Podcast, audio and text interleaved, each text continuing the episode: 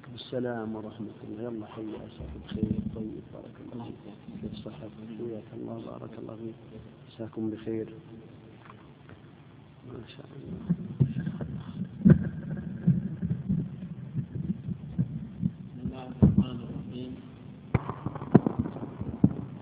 بسم الله الرحمن الرحيم. الحمد لله والصلاة والسلام على رسول الله وعلى آله وأصحابه ومن اتبع هداه وبعد. فاليوم هو الاثنين وهو خامس الأيام في الدورة العلمية الثانية في العقيدة والفقه والمنعقدة في جامع الهياتم. وضيفنا اليوم هو فضيلة الشيخ الدكتور سعيد بن وهف القحطاني الداعية المعروف وعضو الدعوة والإرشاد في منطقة الرياض. وفقه الله تعالى لما يحب ويرضى. والكتاب هو شرح العقيدة الواسطية وهي رسالة قيمة لشيخ الإسلام ابن تيمية رحمه الله تعالى أرسلها إلى أهل واسط في عقيدة أهل السنة والجماعة. فليتفضل شيخنا مشكورا مأجورا بارك الله فيه إن الحمد لله نحمده ونستعينه ونعوذ بالله من شرور أنفسنا وسيئات أعمالنا. من يهده الله فلا مضل له ومن يضلل فلا هادي له وأشهد أن لا إله إلا الله وحده لا شريك له وأشهد أن محمدا عبده ورسوله صلى الله عليه وعلى آله وأصحابه وسلم تسليما كثيرا. أما بعد فلا شك أن علم العقيدة من أهم العلوم. قال عقيدة أي ما يعقد الإنسان عليه قلبه فيعقد القلب على عقيدة وقد تكون عقيدة فاسدة. إذا كان ما عقد عليه قلبه فإنه قلبه فإنه يكون تكون العقيدة فاسدة إذا كان الاعتقاد فاسدا. وإذا كان الاعتقاد سليما صحيحا تكون العقيدة صحيحة, صحيحة سليمة. ومن أهم الكتب ومن أهم الرسائل ومن أعظمها ومن أجلها التي ألفت في هذا الموضوع بعد كلام الله تعالى القرآن العظيم لأن كلام الله تعالى هو خير الكلام وهو الذي بين الله تعالى فيه كل شيء بكلامه سبحانه وتعالى. بعد هذا القرآن العظيم في العقيدة الصحيحة التي يعتقدها أهل السنة والجماعة هي هو ما ذكر في هذه الرسالة القيمة لشيخ الإسلام والمسلمين الإمام العلامة الذي رفع الله مكانه وزاده علما وهدى وتوفيقا وأعانة. أحمد ابن عبد الحليم ابن عبد السلام الحراني رحمه الله تعالى ولد سنة ستمائة وإحدى وستين وتوفي سنة سبعمائة وثمان وعشرين. وقد عمر الله تعالى عمره بطاعته. عمر الله هذا العمر بالعلم النافع والعمل الصالح والرد على البدع والشبهات وبيان الحق بدليله رحمه الله تعالى. وكان نبراسا جبلا عظيما في أمام أعداء الله تعالى وأعداء الدين وأعداء السنن رحمة الله تعالى عليه. ولا شك أن هذا الإمام العظيم الذي عظم الله شأنه قد ألف هذه العقيدة في وقت يسير قصير. لا يتصوره كثير من الناس.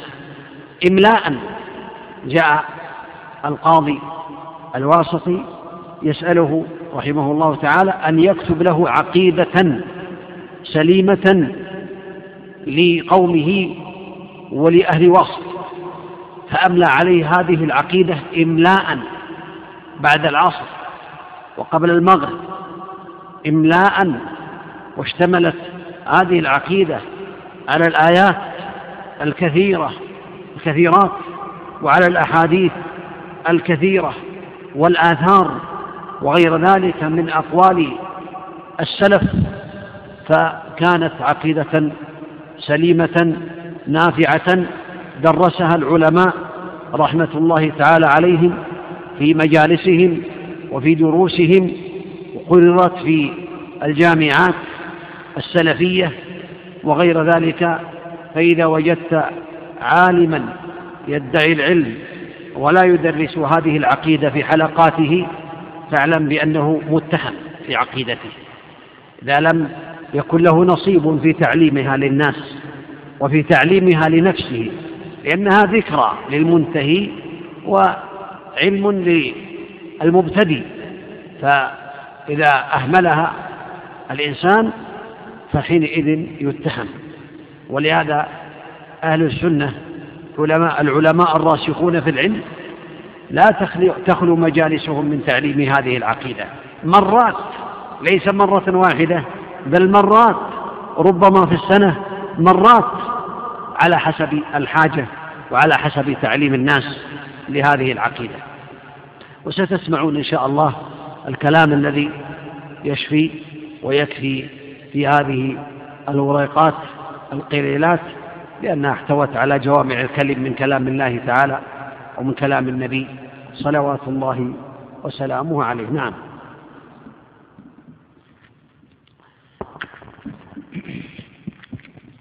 بسم الله الرحمن الرحيم الحمد لله رب العالمين وصلى الله وسلم وبارك على نبينا محمد وعلى آله وصحبه أجمعين قال الإمام شيخ الإسلام أحمد بن عبد الحليم بن عبد السلام بن تيمية الحراني رحمه الله في رسالته العقيدة الواسطية قال رحمه الله بسم الله الرحمن الرحيم الحمد لله الذي أرسل رسوله بالهدى ودين الحق ليظهره على الدين كله وكفى بالله شهيدا. بدأ المؤلف رحمه الله تعالى بالبسملة والحمد له. والكلام الذي لا يبدأ بحمد الله بالبسملة ولا بالحمد له يكون مبتور مقطوع الفائدة مبتور أبتر. وإن جاء في بعض الأحاديث هذا وفيها مقال لكن المعنى صحيح. كتاب البسملة باقتداء بكتاب الله تعالى وبرسوله عليه الصلاة والسلام. فالقرآن يبتدي بالبسملة والنبي عليه الصلاة والسلام كان إذا ابتدأ كلامه عليه الصلاة والسلام في كتبه قال من محمد بسم الله الرحمن الرحيم من محمد بن عبد الله عليه الصلاة والسلام. وقوله بسم الله يعني تبركا وهو متعلق الجار بسم الله الرحمن الرحيم. فالجار والمجرور بسم الله متعلقان بفعل محذوف تقديره على الصحيح لهذه العبادة وإقرارا به يعني هذا إقرار في القلب. فإن الشهادة لا بد أن تتضمن الإقرار والتوحيد والإخلاص لله تعالى وثنى بالشهادة للنبي عليه الصلاة والسلام أنه عبده ورسوله صلوات الله وسلامه عليه. والشهادة للنبي عليه الصلاة والسلام لا تكون إلا بالاعتقاد الجازم أن محمدا عليه الصلاة والسلام هو رسول الله حقا للجن والإنس ولا نبي بعده صلوات الله وسلامه عليه. والدليل على ذلك أو البرهان من الشاهد من الذي شهد له عليه الصلاة والسلام أنه عبده ورسوله البرهان على ذلك طاعته فيما أمر وتصديقه فيما أخبر واجتناب ما نهى عنه وزجر ولا يعبد الله إلا بما شرع صلوات الله وسلامه عليه. وهذا مقتضى الشهادة. ثم صلى عليه عليه الصلاة والسلام لأن الكلام الذي لا يبدأ فيه بذكر الله ولا بالبسملة والحمدلة ولا بالصلاة على النبي عليه الصلاة والسلام كلام مقطوع. ولهذا صلى على النبي عليه الصلاة والسلام والصلاة هي الثناء. فمن الله تعالى صلاة الله تعالى كما قال أبو العالية في البخاري رحمه الله تعالى وثناؤه سبحانه وتعالى عند الملائكة على عبده ورسوله عليه الصلاة والسلام. فإذا قلت اللهم صل على محمد أي اللهم أثني على محمد في الملأ الأعلى. وإذا صلى الله على أحد فمعناه ثناؤه. فصلاة الله تعالى ثناؤه على عبده وصلاة الناس والدعاء والملائكة الدعاء والاستغفار للعبد. نعم. قال رحمه الله أما بعد فهذا اعتقاد الفرقة الناجية المنصورة إلى يوم القيامة إلى إلى قيام الساعة أهل السنة والجماعة وهو الإيمان بالله وملائكته وكتبه ورسله والبعث بعد الموت والإيمان بالقدر خيره وشره. هذا بعد أن ذكر هذا الكلام رحمه الله تعالى بين قال هذا اعتقاد أهل السنة والجماعة اعتقاد الفرقة الناجية المنصورة إلى قيام الساعة أهل السنة والجماعة. والفرقة الناجية أي الناجية من النار. إذا سمعت الفرقة الناجية ناجية من النار. لقول النبي عليه الصلاة والسلام افترقت اليهود على إحدى وسبعين فرقة. وافترقت كلها في النار إلا واحدة. وافترقت النصارى على اثنتين وسبعين فرقة. كلها في النار إلا واحدة. والذي نفسي بيده لتفترقن هذه الأمة على ثلاث وسبعين فرقة. كلها في النار إلا واحدة. فهذه الفرقة إذا سمعت الفرقة الناجية هي الفرقة الناجية من النار. هي الفرقة التي أنجاها الله تعالى من النار. فسئل عليه الصلاة والسلام عن هذه الفرقة قال هم من كان على مثل ما أنا عليه وأصحابي. لا شك أن من كان على مثل ما كان عليه النبي عليه الصلاة والسلام وأصحابه فهذا من الفرقة الناجية. والمدعون للفرقة الناجية والمدعون لأهل السنة والجماعة كثير لكن الضابط الذي يضبط كلام الشخص هو الرجوع إلى ما كان عليه النبي عليه الصلاة والسلام وأصحابه. فإذا قال لك إنسان أنا من أهل السنة والجماعة فينظر إلى عمله وينظر إلى قوله وينظر إلى أعماله. هل هي على مثل ما كان عليه النبي عليه الصلاة والسلام وأصحابه؟ فإذا كانت كذلك فهو من أهل السنة.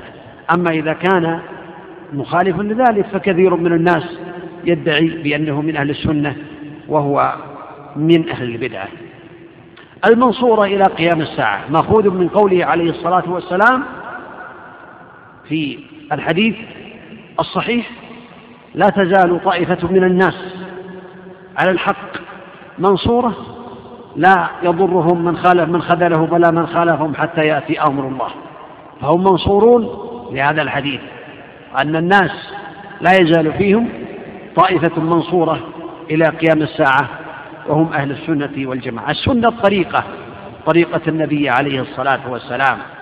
والجماعة هم المجتمعون على الحق. العاملين بالحق وإن كان واحدا كما قال عبد الله بن مسعود رضي الله عنه الجماعة ما وافق الحق وإن كنت وحدك. كنت وحدك على على السنة على هدي النبي عليه الصلاة والسلام في قطر من الأقطار في مكان من الأمكنة وليس معك أحد وأنت ملتزم بهدي النبي عليه الصلاة والسلام بل بالكتاب والسنة. وما عليه أصحاب النبي عليه الصلاة والسلام فأنت جماعة ولو كنت وحدك كما قال عبد الله بن مسعود. ثم قال الإيمان بالله يعني بين اعتقاد الفرقة الناجية بأنه الإيمان بالله. الإيمان هو التصديق مع الإقرار تصديق إقرار بالله. والإيمان من أهل السنة هو قول باللسان واعتقاد في القلب. وعمل بالأركان يزيد بالطاعة وينقص بالعصيان بالعصيان. الإيمان بالله والإيمان بالله يتضمن أمورا. الأمر الأول الإيمان بوجوده سبحانه. هذا لا يشك فيه أحد إلا من كفر الإيمان بأن الله تعالى موجود والإيمان بألوهيته وأنه سبحانه وتعالى مستحق للعبادة. والإيمان بربوبيته سبحانه وتعالى وأنه خالق كل شيء ومدبر كل شيء ومالك كل شيء بيده كل شيء وهو القادر على كل شيء. والإيمان بربوبيته فالإيمان يتضمن بوجود الله والإيمان بألوهيته وربوبيته وبأسمائه وصفاته. فله الأسماء الحسنى والصفات العلى سبحانه وتعالى. فإذا آمن العبد بهذه الأمور الأربعة يقينا لا شك فيه فقد آمن بالله تعالى وملائكته. الملائكة خلق من خلق الله لا يعصون الله تعالى ما أمرهم ويفعلون ما يؤمرون ولهم أعمال ولهم أسماء. فيجب الإيمان بالملائكة إجمالا وتفصيلا. الإيمان بالملائكة إجمالا نؤمن بكل ملك بكل ملك خلقه الله تعالى. هذا إجمالا وتفصيلا نؤمن بمن سمى الله منهم سبحانه وتعالى. سمى الله جبرائيل ميكائيل إسرافيل ملك الموت وغير ذلك ومن سماه النبي عليه الصلاة والسلام منهم. ف ونؤمن كذلك بأفعالهم التي بينها الله تعالى. وبينها النبي عليه الصلاة والسلام وأعمالهم. فمن أعمالهم النزول بالوحي لجبرائيل وكذلك من وكله الله تعالى بالقطر كإسرافيل وميكائيل كذلك وإسرافيل وكله الله تعالى بالنفخ الصور وميكائيل بالقطر وملك الموت بقبض الأرواح ومنكر ونكير بسؤال الميت في قبره. وكذلك خزنة الجنة وخزنة النار وغير ذلك من أعمالهم وكذلك صفاتهم. بل من صفاتهم مما ذكر النبي عليه الصلاة والسلام عن جبرائيل أنه رآه مرتين على صورته التي خلقها الله عليها له ستمائة جناح كل جناح يسد الأفق. وجاء في الحديث إن أذن لي أن أتحدث عن ملك من حملة العرش ما بين شحمة إبر أذنه وعاتقه مسيرة سبعمائة سنة خفض الطير. فالمؤمن يؤمن بما أخبر الله به وأخبر به النبي عليه الصلاة والسلام عن أعمال هؤلاء الملائكة وأنهم عباد مكرمون وأنهم لا يعصون الله تعالى ويفعلون ما يأمرون ما يؤمرون وهكذا يؤمن كذلك بالرقيب والعتيد والحفظة له معقبات من بين يديه ومن خلفه يحفظونه من أمر الله وغير ذلك مما أخبر الله به وأخبر به رسوله عليه الصلاة والسلام. وكتبه كذلك من أركان عقيدة أهل السنة والجماعة الإيمان بالكتب كلها. فنؤمن بكل كتاب أنزله الله سبحانه وتعالى إجمالا وتفصيلا بما سمى الله من هذه الكتب. كالتوراة والإنجيل والزبور وصحف إبراهيم وصحف موسى والقرآن المهيمن على هذه الكتب. نؤمن بها وأنها كلام الله في عهدها في عهد الإنسان. أما بعد ذلك فقد دخلها التحريف ونسخ القرآن الكريم. فالعمل بالقرآن والوجوب العمل بالقرآن ونؤمن بجميع الكتب. أن الله أنزلها في وقتها وأنها حق في وقتها أما الآن فدخلها قد دخلها التحريف. ورسله نؤمن بالرسل عليهم الصلاة والسلام. وهم كثيرون. لا يحصي عددهم إلا الله. منهم من قال 114 منهم من قال أكثر من ذلك. والخلاصة أن عددهم لا يعلمه إلا الله. فإذا أخبر النبي عليه الصلاة والسلام بصحيح بحديث صحيح عن عددهم فعلى الرأس والعين.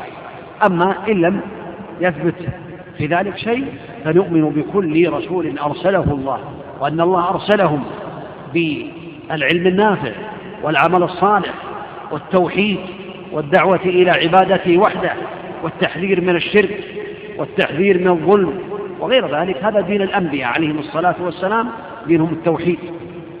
دعوة إلى عبادة الله تعالى وحده. ونؤمن بمن سمى الله منهم سمى الله منهم في القرآن خمسة وعشرين نبيا. وبمن سمى النبي عليه الصلاة والسلام. لا شك أن هذا يعني من الإيمان بالرسل عليهم الصلاة والسلام. والإيمان بعد البعث بعد الموت. هذا من الإيمان أو من أركان الإيمان عند أهل السنة والجماعة ويأتي إن شاء الله تفصيلا في آخر هذه الرسالة. والإيمان بالقدر خيره وشره. القدر ما قدره الله تعالى علم وكتب وشاء وخلق. هذا هو تقدير الله تعالى من خير وشر. فلا بد من الإيمان بالقضاء بالقدر خيره وشره. وقد أفرد له المؤلف رحمه الله تعالى بابا في آخر هذه الرسالة. سيأتي تفصيلا إن شاء الله تعالى. نعم. قال رحمه الله ومن الإيمان بالله الإيمان بما وصف به نفسه في كتابه وبما وصفه به رسوله من غير تحريف ولا تعطيل ومن غير تكييف ولا تمثيل. بل يؤمنون بأن الله سبحانه من الإيمان بالله تقدم أن من الإيمان بالله الإيمان بأسمائه وصفاته. فمن الإيمان بالله الإيمان بما وصف الله به نفسه في كتابه وبما وصف به رسوله محمد صلى الله عليه وسلم في سنته. من غير تحريف. التحريف هو تحريف الكلم عن معانيه ويحرفه عن ما أراد الله تعالى به وأراد به النبي عليه الصلاة والسلام. ولا تعطيل التعطيل هو سلب الصفة عن الله تعالى. ومن غير تكييف التكييف هو يعني الماهية للشيء وأنه يقول كيف كذا. ولا تمثيل أي يمثل بخلقه في صفاته تعالى. فأهل السنة والجماعة يؤمنون بما وصف به الله تعالى نفسه وبما وصف به رسوله عليه الصلاة والسلام من غير تحريف وهو تغيير الألفاظ عن والأسماء والصفات عن معانيها التي من أجلها بين الله ذلك ولا تعطيل. يعني يقال جيد معطل عن الحلي أي منزوع ومسلوب عن الحلي يعني آه، نفي الصفة عن الله تعالى كما يفعل الجهمية. ومن غير تكييف يعني لا نكيف الله تعالى أخبرنا بالأسماء والصفات ونصفه بها على الوجه اللائق به سبحانه لكنه لم يخبرنا بالكيفية. فالكيفية علمها عند الله تعالى. له يد لا لها كيف لكن لا نعلم الكيف وجه له كيف لكن لا نعلم الكيف الله تعالى استأثر بعلمه ما أخبرنا الله تعالى بهذا الكيف. ليس المعنى أنه نفي الكيف وإنما نفي علم الكيف. يعني ما عندنا خبر بهذا الكيف الله ما أخبرنا بالكيفية. فالكيف معلوم والإيمان كما قال الاستواء معلوم وجميع الصفات في اليد والوجه والقدم وغير ذلك. يقال في جميع الصفات مثال ذلك الوجه مثلا الوجه معلوم والإيمان به واجب والكيف مجهول والسؤال عن بدعة يعني عن الكيفية وهكذا. فأهل السنة والجماعة يثبتون الأسماء والصفات التي أثبتها الله تعالى وأثبتها رسوله عليه الصلاة والسلام من غير تحريف وتغيير الألفاظ عن معانيها ولا تعطيل وهو سلب الصفة عن الموصوف من غير تكييف ولا تمثيل أي لا يمثلون الله تعالى بخلقه سبحانه وتعالى. نعم. قال رحمه الله بل يؤمنون بأن الله سبحانه ليس كمثله شيء وهو السميع البصير فلا ينفون عنه ما وصف به نفسه. ولا يحرفون الكلم عن مواضعه. يؤمنون بأن الله تعالى له صفات وأنه ليس كمثله شيء. نحن نقول له صفات. له سمع وله بصر كما سيأتي. وله قدرة وله آه وجه وله يدان وله قدم. ولكن هذه الأمور له سمع لا كأسماعنا. وبصر لا كأبصارنا سمع لا كأسماعنا تليق بالله تعالى ليس كمثله شيء. هذا يعني له صفة لكن هذه الصفة ليست كما كصفات المخلوقين. وأثبت له وهو السميع البصير. فقوله ليس كمثله شيء هذا فيه رد على المشبهة.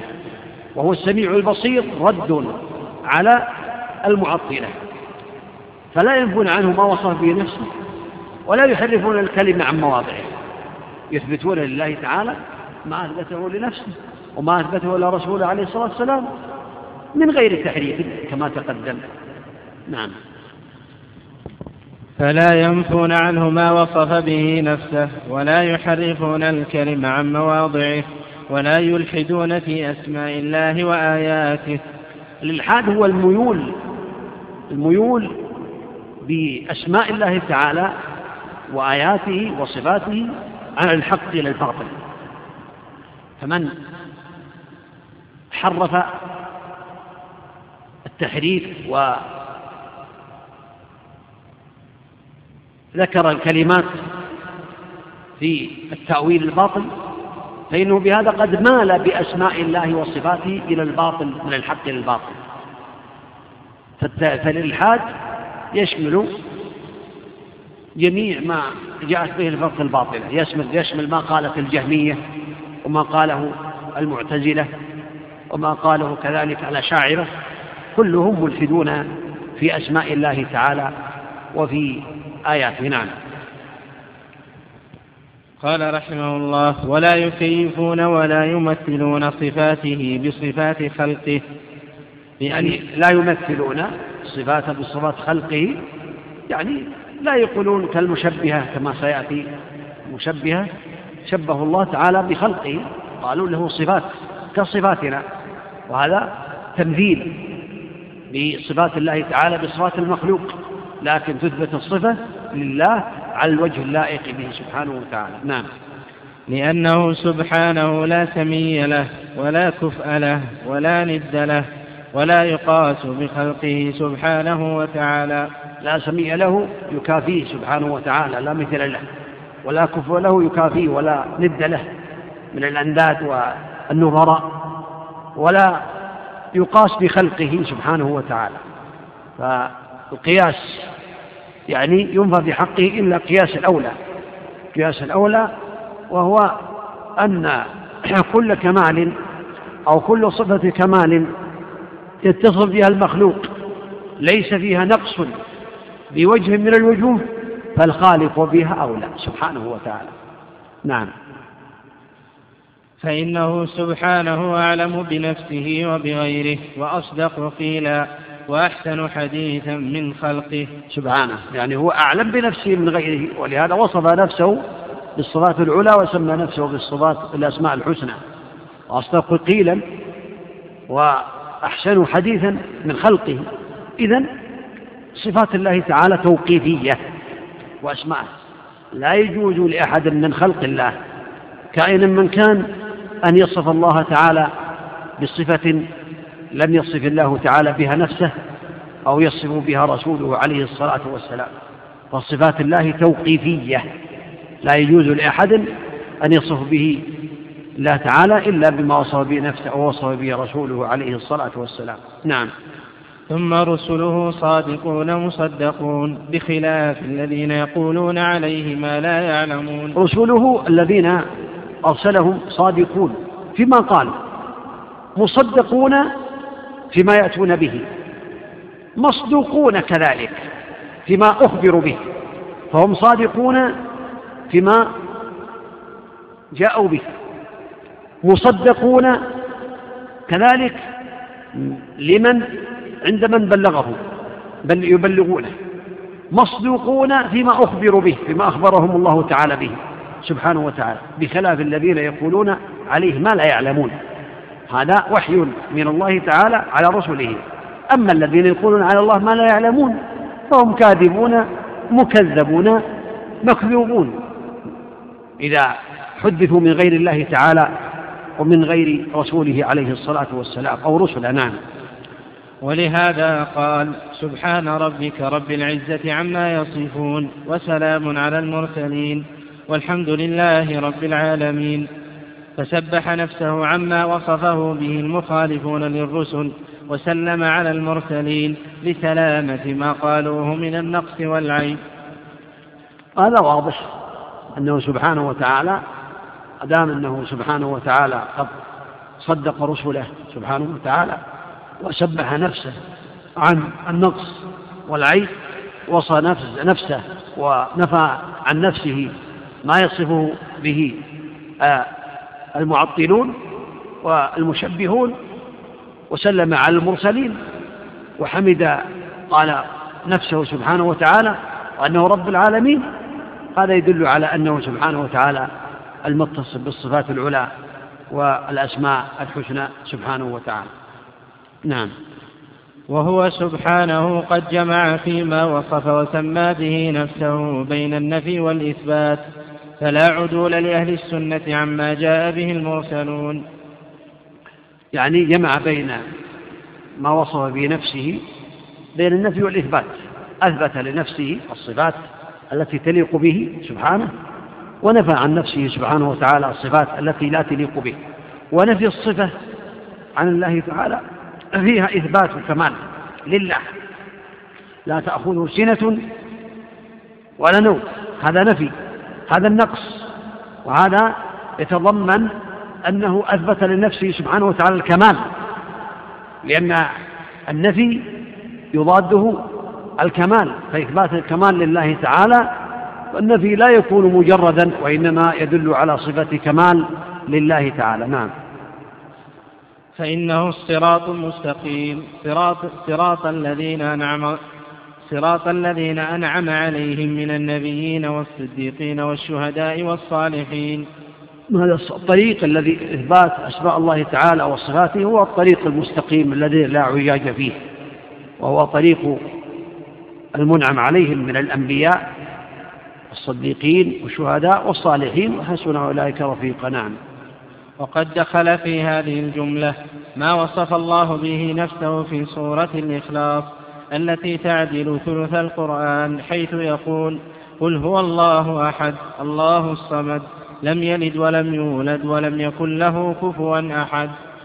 هذا يدل على أن هذه السورة يعني تعدل ثلث القرآن كما قال النبي عليه الصلاة والسلام. والله أعلم لهذا أنها القرآن جعل ثلاث أقسام إنشاء وخبر. والخبر ينقسم إلى قسمين خبر عن الله وأسمائه وصفاته وخبر عن خلقه من الجنة والنار والملائكة وغير ذلك. وهذه السورة قد اختصت بالخبر عن الله تعالى وأسمائه وصفاته. فإنه يعني جميع أنواع التوحيد تدخل في هذه السورة. سواء كان ذلك من باب المطابقة قل هو الله أحد الله الصمد أو من باب التضمن للألوهية للربوبية للألوهية أو ما بالالتزام لأن توحيد الألوهية يتضمن توحيد الربوبية يستلزم توحيد الألوهية. فإذا كان الله هو الرب الخالق المقدر المالك لكل شيء هذا يستلزم أن يكون سبحانه وتعالى هو المعبود وحده بحق. وتوحيد الألوهية يتضمن توحيد الربوبية. إذا كان سبحانه وتعالى هو المعبود بحق فإن ذلك يتضمن بأنه الخالق الرازق المدبر على المالك لكل شيء سبحانه وتعالى. فالخلاصة أن هذه السورة يعني آه، اختصت بالقسم الثالث وهو صفات الله تعالى وأسمائه. نعم. وما وصف به نفسه في أعظم آية في كتابه حيث يقول الله لا إله إلا هو الحي القيوم لا تأخذه سنة ولا نوم له ما في السماوات وما في الأرض من ذا الذي يشفع عنده إلا بإذنه. يعلم ما بين أيديهم وما خلفهم ولا يحيطون بشيء من علمه إلا بما شاء. وسع كرسيه السماوات والأرض ولا يؤوده حفظهما وهو العلي العظيم. ولهذا كان من قرأ هذه الآية في ليلة لم يزل عليه من الله حافظ ولا يقربه شيطان حتى يصبح. هذا هذه الآية آية عظيمة. هي أعظم آية في كتاب الله. كتاب الله تعالى عظيم. لكن هناك آيات وهناك سور لها شأن والقرآن كله عظيم. فمثلا سورة الفاتحة هي أعظم سورة في كتاب الله تعالى. سورة الإخلاص هي تعديل ثلث القرآن. آية الكرسي هي أعظم آية في كتاب الله تعالى. فالله تعالى ذكر فيها أسماء حسنى كثيرة وصفات كثيرة في هذه الآية فلم يرد في آية ما ورد فيها من الأسماء والصفات ومنها قوله تعالى ولا يؤوده أي لا يثقله ولا يكرهه حفظ السماوات والأرض ولهذا بين النبي عليه الصلاة والسلام أن من قرأ هذه الآية في عند نومه فإنه لا يزال عليه من الله حافظ حتى يصبح ولا يقربه شيطان. هذا يدل على فضلها وهي تقرأ في الصباح وفي المساء من أدعية الصباح ومن أدعية المساء وتقرأ كذلك أدبار الصلوات المفروضات. قد جاء في حديث له طرق كثيرة يشد بعضها بعضا أن من قرأ آية الكرسي دبر كل صلاة لم يكن بينه وبين الجنة إلا أن يموت وتقرأ عند النوم كما تقدم وهي آية عظيمة ينبغي العناية بالقرآن وبما جاء فيه من الآيات كذلك. نعم. وقوله سبحانه هو الأول والآخر والظاهر والباطن وقوله سبحانه وتوكل على الحي الذي لا يموت. وقوله سبحانه من الآيات التي تدل على الصفات. هو الأول الذي ليس قبله شيء. والآخر الذي ليس بعده شيء. والظاهر الذي ليس فوقه شيء. والباطن الذي ليس دونه شيء. وهذه إحاطة زمانية وإحاطة مكانية أسماء من الأسماء الحسنى وصفات من الصفات العلى في هذه الأربعة الأسماء. وتوكل على الحي الذي لا يموت. هذا من أسمائه الحي ومن صفاته الحياة الدائمة التي لا يعتريها نقص بوجه من الوجوه. نعم. وقوله سبحانه وهو العليم الحكيم. وقوله وهو الحكيم الخبير. يعلم ما يلج في الأرض وما يخرج منها وما ينزل من السماء وما يعرج فيها. هذا إثبات ذكر المؤلف رحمه الله تعالى صفة العلم. اسم العليم من أسماء الله تعالى. والعلم إذا أضيف لله تعالى فهو يليق بجلاله سبحانه وتعالى لا يعتريه ولا يأتي نقص بوجه من الوجوه. فعلمه سبحانه وتعالى يعلم ما كان وما يكون وما لم يكن لو كان كيف كان. والحكيم الذي يضع الأشياء في مواضعها يقدر الأشياء على حسب حكمته سبحانه وتعالى. ويعلم كل شيء يعلم ما يلج في الأرض ما يخرج منها ما ينزل من السماء ما يعرج فيها. عنده مفاتيح الغيب كما يأتي في الآية. نعم.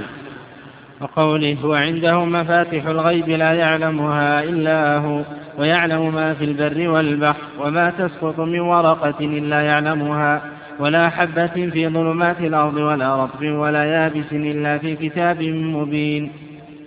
وقوله وما تحمل من أنثى ولا تضع إلا بعلمه وقوله لتعلموا أن الله على كل شيء قدير وأن الله قد أحاط بكل شيء علما. هذه الآيات تبين عظم علم الله تعالى وأنه علم عظيم يعلم عنده مفاتيح الغيب لا يعلمها إلا مفاتيح الغيب إن الله عنده علم الساعة وينزل الغيث ويعلم ما في الأرحام.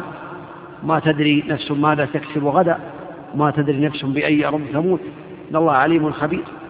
سبحانه وتعالى. علمه سبحانه وتعالى علم يعلم كل شيء وقد أحاط بكل شيء علما. يعلم ما يكون ما كان وما يكون وما لم يكن. لو كان كيف كان. علمه أزلي لا أول لعلمه ولا آخر له سبحانه وتعالى. نعم. وقوله إن الله هو الرزاق ذو القوة المتين. وفي هذه الآية كذلك إثبات الرزق لله تعالى وأنه الرزاق وأنه ذو القوة من أسمائه الرزاق من صفته الرزق وذو القوة التي لا غالب لها المتين كذلك الذي اتصف بالقوة العظيمة. نعم. وقوله ليس كمثله شيء وهو السميع البصير. نعم. وقوله إن الله نعم ما يعظكم به إن الله كان سميعا بصيرا. هذا فيه إثبات صفة السمع والبصر لله تعالى. له سمع وله بصر لا كأسماعنا ولا كأبصارنا. الخلاصة أن هذه الآيات تفسيرها واحد. يعني معنى هذه الآيات في الصفات أنت تستطيع أن تقول في كل صفة من صفات الله تعالى تقول له سمع لا كأسماعنا. وله بصر لا كأبصارنا وله قوة لا كقوتنا تليق بجلاله سبحانه وتعالى لا يشبه أحد من خلقه ولا يماثل أحد من خلقه. في كل صفة تقولها هذا هكذا قاعدة. كل صفة من صفات الله تعالى تقول فيها يعني ليست كصفاتنا وليست كأسماعنا يعني ما نوصف به وإنما هي تليق بجلال الله على الوجه اللائق بالله تعالى. نعم. وقوله ولولا حتى لا يكرر ما يرد في الآيات يعني نعم. وقوله ولولا إذ دخل لأن هذا المقام ليس مقام يعني مقام للتفسير الآيات لأن هذا يطول. عقيدة لو فسر الإنسان على حسب ما أعطاه الله تعالى في هذا من العلم لا طال الوقت فسر كل آية هذا يحتاج إلى وقت طويل. أما مثل هذا يقال لها تعليقات يسيرات أو توضيحات يسيرات لا يقال لها شرح مفصل. ولهذا يعني آه، ينبغي أن يعلم هذا بأن هذا ليس شرحا لكل ما يرد في هذه الرسالة وإنما هي تعليقات توضيحات يسيرات. نعم. وهي واضحة والحمد لله. آيات بينات وأحاديث صحيحة واضحة بينة لكن هذا من باب المذاكرة ومن باب التبيين لبعض ما أشكل. نعم. وقوله ولولا إذ دخلت جنتك قلت ما شاء الله لا قوة إلا بالله. وقوله ولو شاء الله ما اقتتلوا ولكن الله يفعل ما يريد. هذا إثبات المشيئة لله تعالى أنه يعني المشيئة النافذة له سبحانه وتعالى وإثبات الفعل له على الوجه اللائق به سبحانه وإثبات الإرادة. الإرادة لله هناك إرادتان. إرادة كونية ويدخل فيها كل شيء وهي ترادف المشيئة. الإرادة الكونية ترادف المشيئة. في الأزل شاء الله كل شيء. حدث. والإرادة الشرعية هي التي يحبها الله تعالى. فالإرادة الكونية أزلية والإرادة الشرعية هي التي يحبها الله تعالى. أراد إيمان المؤمن أراد طاعته سبحانه وتعالى كونا وشرعا والكافر أراد كفره كونا ولم يريده شرعا ولا دينا. نعم. وقوله أحلت لكم بهيمة الأنعام إلا ما يتلى عليكم غير محل الصيد وأنتم حرم. إن الله يحكم ما يريد. نعم. هذه من الإرادة الكونية. نعم. وقوله فمن يرد الله أن يهديه يشرح صدره للإسلام ومن يرد أن يضله يجعل صدره ضيقا حرجا كأنما يصعد في السماء. الإرادة كذلك كونية. نعم. وقوله وأحسنوا إن الله يحب المحسنين. هذا إثبات صفة المحبة لله تعالى أن الله يحب سبحانه وتعالى لكن صفة المحبة تليق بجلاله لا كمحبتنا. له صفة تليق بجلال صفة المحبة تليق بجلال لا كمحبتنا وإنما هي محبة تليق بالله تعالى لا يعتريها نقص بوجه من الوجوه. نعم. وقوله وأقسطوا إن الله يحب المقسطين. وقوله فما استقاموا لكم فاستقيموا لهم إن الله يحب المتقين. وقوله إن الله يحب التوابين ويحب المتطهرين. وقوله قل إن كنتم تحبون الله فاتبعوني يحببكم الله. وقوله فسوف يأتي الله بقوم يحبهم ويحبونه. وقوله إن الله يحب الذين يقاتلون في سبيله صفا كأنهم بنيان مرصوص وقوله وهو الغفور الودود. هذا بدأ المؤلف رحمه الله تعالى بعد صفة المحبة في صفة المغفرة من أسمائه الغفور ومن أسمائه الودود. لكن هذه الأسماء يشتق منها الصفات صفة المغفرة صفة الود على الوجه اللائق بالله تعالى. نعم. وقوله بسم الله الرحمن الرحيم وقوله ربنا وسعت كل شيء رحمة يعني وعلما. بسم الله الرحمن الرحيم يعني من أسمائه يعني آه الاسم الأعظم الله والرحمن والرحيم. فهذه الأسماء من الأسماء الحسنى تثبت لله على الوجه اللائق به ويشتق منها صفات الألوهية والرحمة ونعم وقوله وكان بالمؤمنين رحيما. نعم. وقوله ورحمتي وسعت كل شيء. وقوله كتب ربكم على نفسه الرحمة. وقوله وهو الغفور الرحيم. نعم. وقوله فالله خير حافظا. وهو أرحم الراحمين. نعم. هذه واضحة أسماء لله تعالى حسنى وصفات تشتق من هذه الأسماء. نعم. وقوله رضي الله عنهم ورضوا عنه. إثبات الرضا لله تعالى وأنه يرضى ويغضب كما سيأتي لكن رضاه لا كرضانا وإنما رضاه خاص به سبحانه على الوجه اللائق به سبحانه وتعالى. نعم. وقوله ومن يقتل مؤمنا متعمدا فجزاؤه جهنم خالدا فيها وغضب الله عليه ولعنه. وقال إثبات الغضب لله على الوجه اللائق به سبحانه. الله يغضب لكن غضبه يليق بجلاله لا كغضبنا. فغضبه يليق بجلاله لا كغضب خلقه سبحانه وتعالى. غضبه صفة كمال. ولكن لا تشبه هذه الصفة صفات المخلوقين. نعم. وقوله ذلك بأنهم اتبعوا ما أسخط الله وكرهوا رضوانه. وقوله فلما آسفونا انتقمنا منهم. هذا كذلك يعني آه، يدل على الكراهية لله تعالى.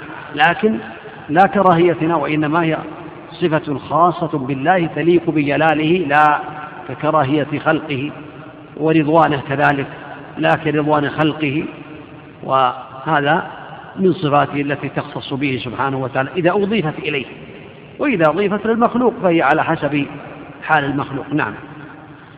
وقوله إثبات وإثبات الأسف لله تعالى على الوجه اللائق به سبحانه وتعالى والانتقام ولكن لا يؤخذ منها يعني من هذه الصفات لا يشتق من الصفات أسماء فلا يقال من صفات الله تعالى المنتقم ولا الآسف لا. يشتق من الأسماء صفات ولكن الصفات لا تشتق منها الأسماء. نعم. وقوله ولكن كره الله بعاثهم فثبطهم. نعم. وقوله كبر مقتا عند الله أن تقولوا ما لا تفعلون. إثبات المقت لله تعالى ما يقال في الصفة يقال في الصفات الأخرى. على الوجه اللائق به سبحانه وتعالى لا كمقت المخلوقين. نعم. وقوله هل ينظرون إلا أن يأتيهم الله في ظلال من الغمام والملائكة وقضي الأمر؟ هذا فيه إثبات الإتيان لله.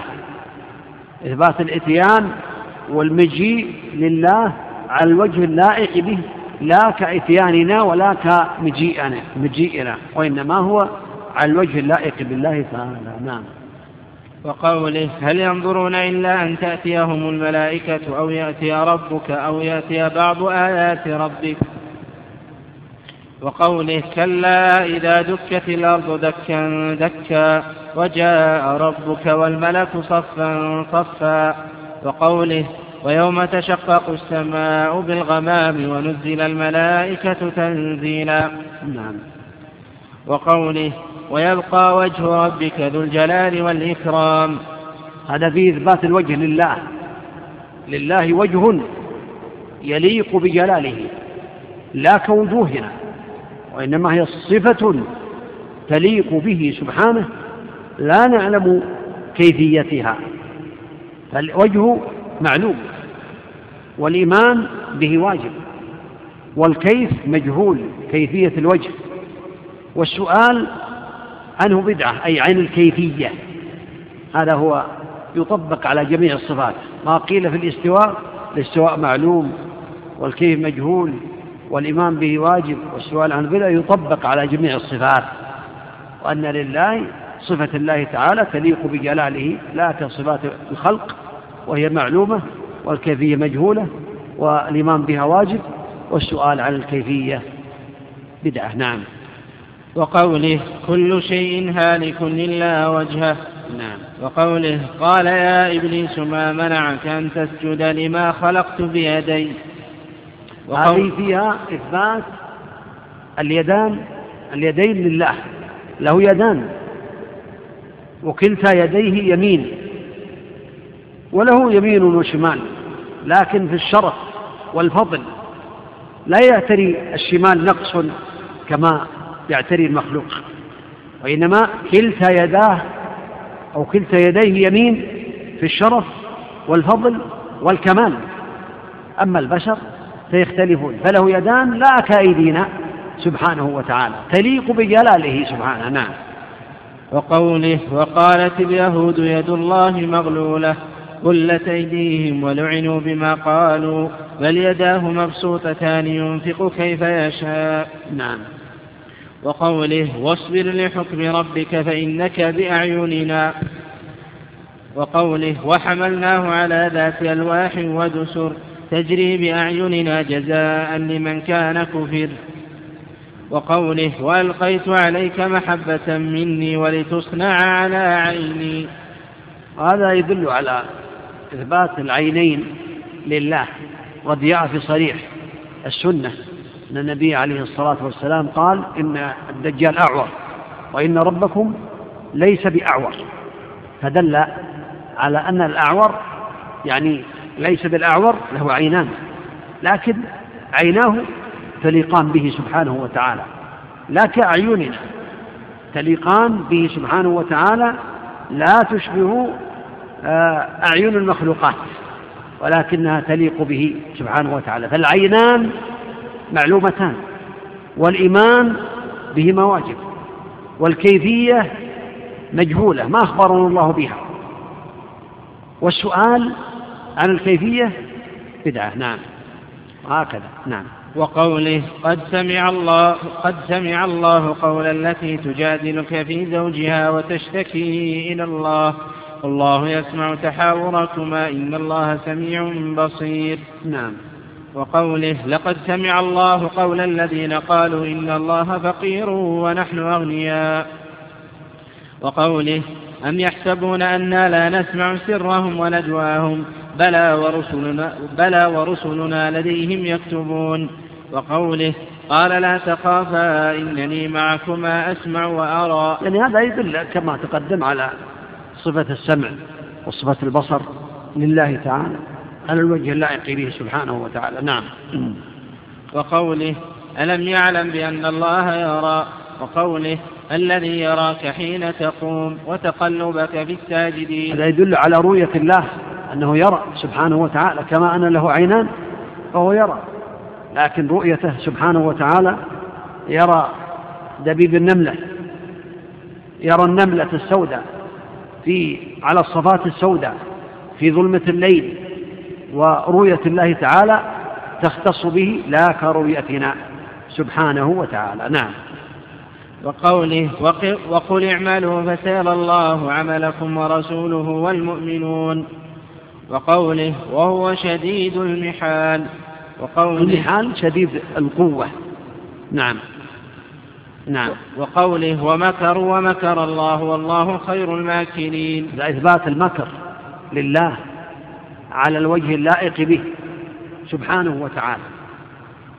المكر يثبت لله على الوجه اللائق به يمكر من يمكر به سبحانه وتعالى. فمكره خاص به سبحانه وتعالى لا يشبه مكر العباد. نعم.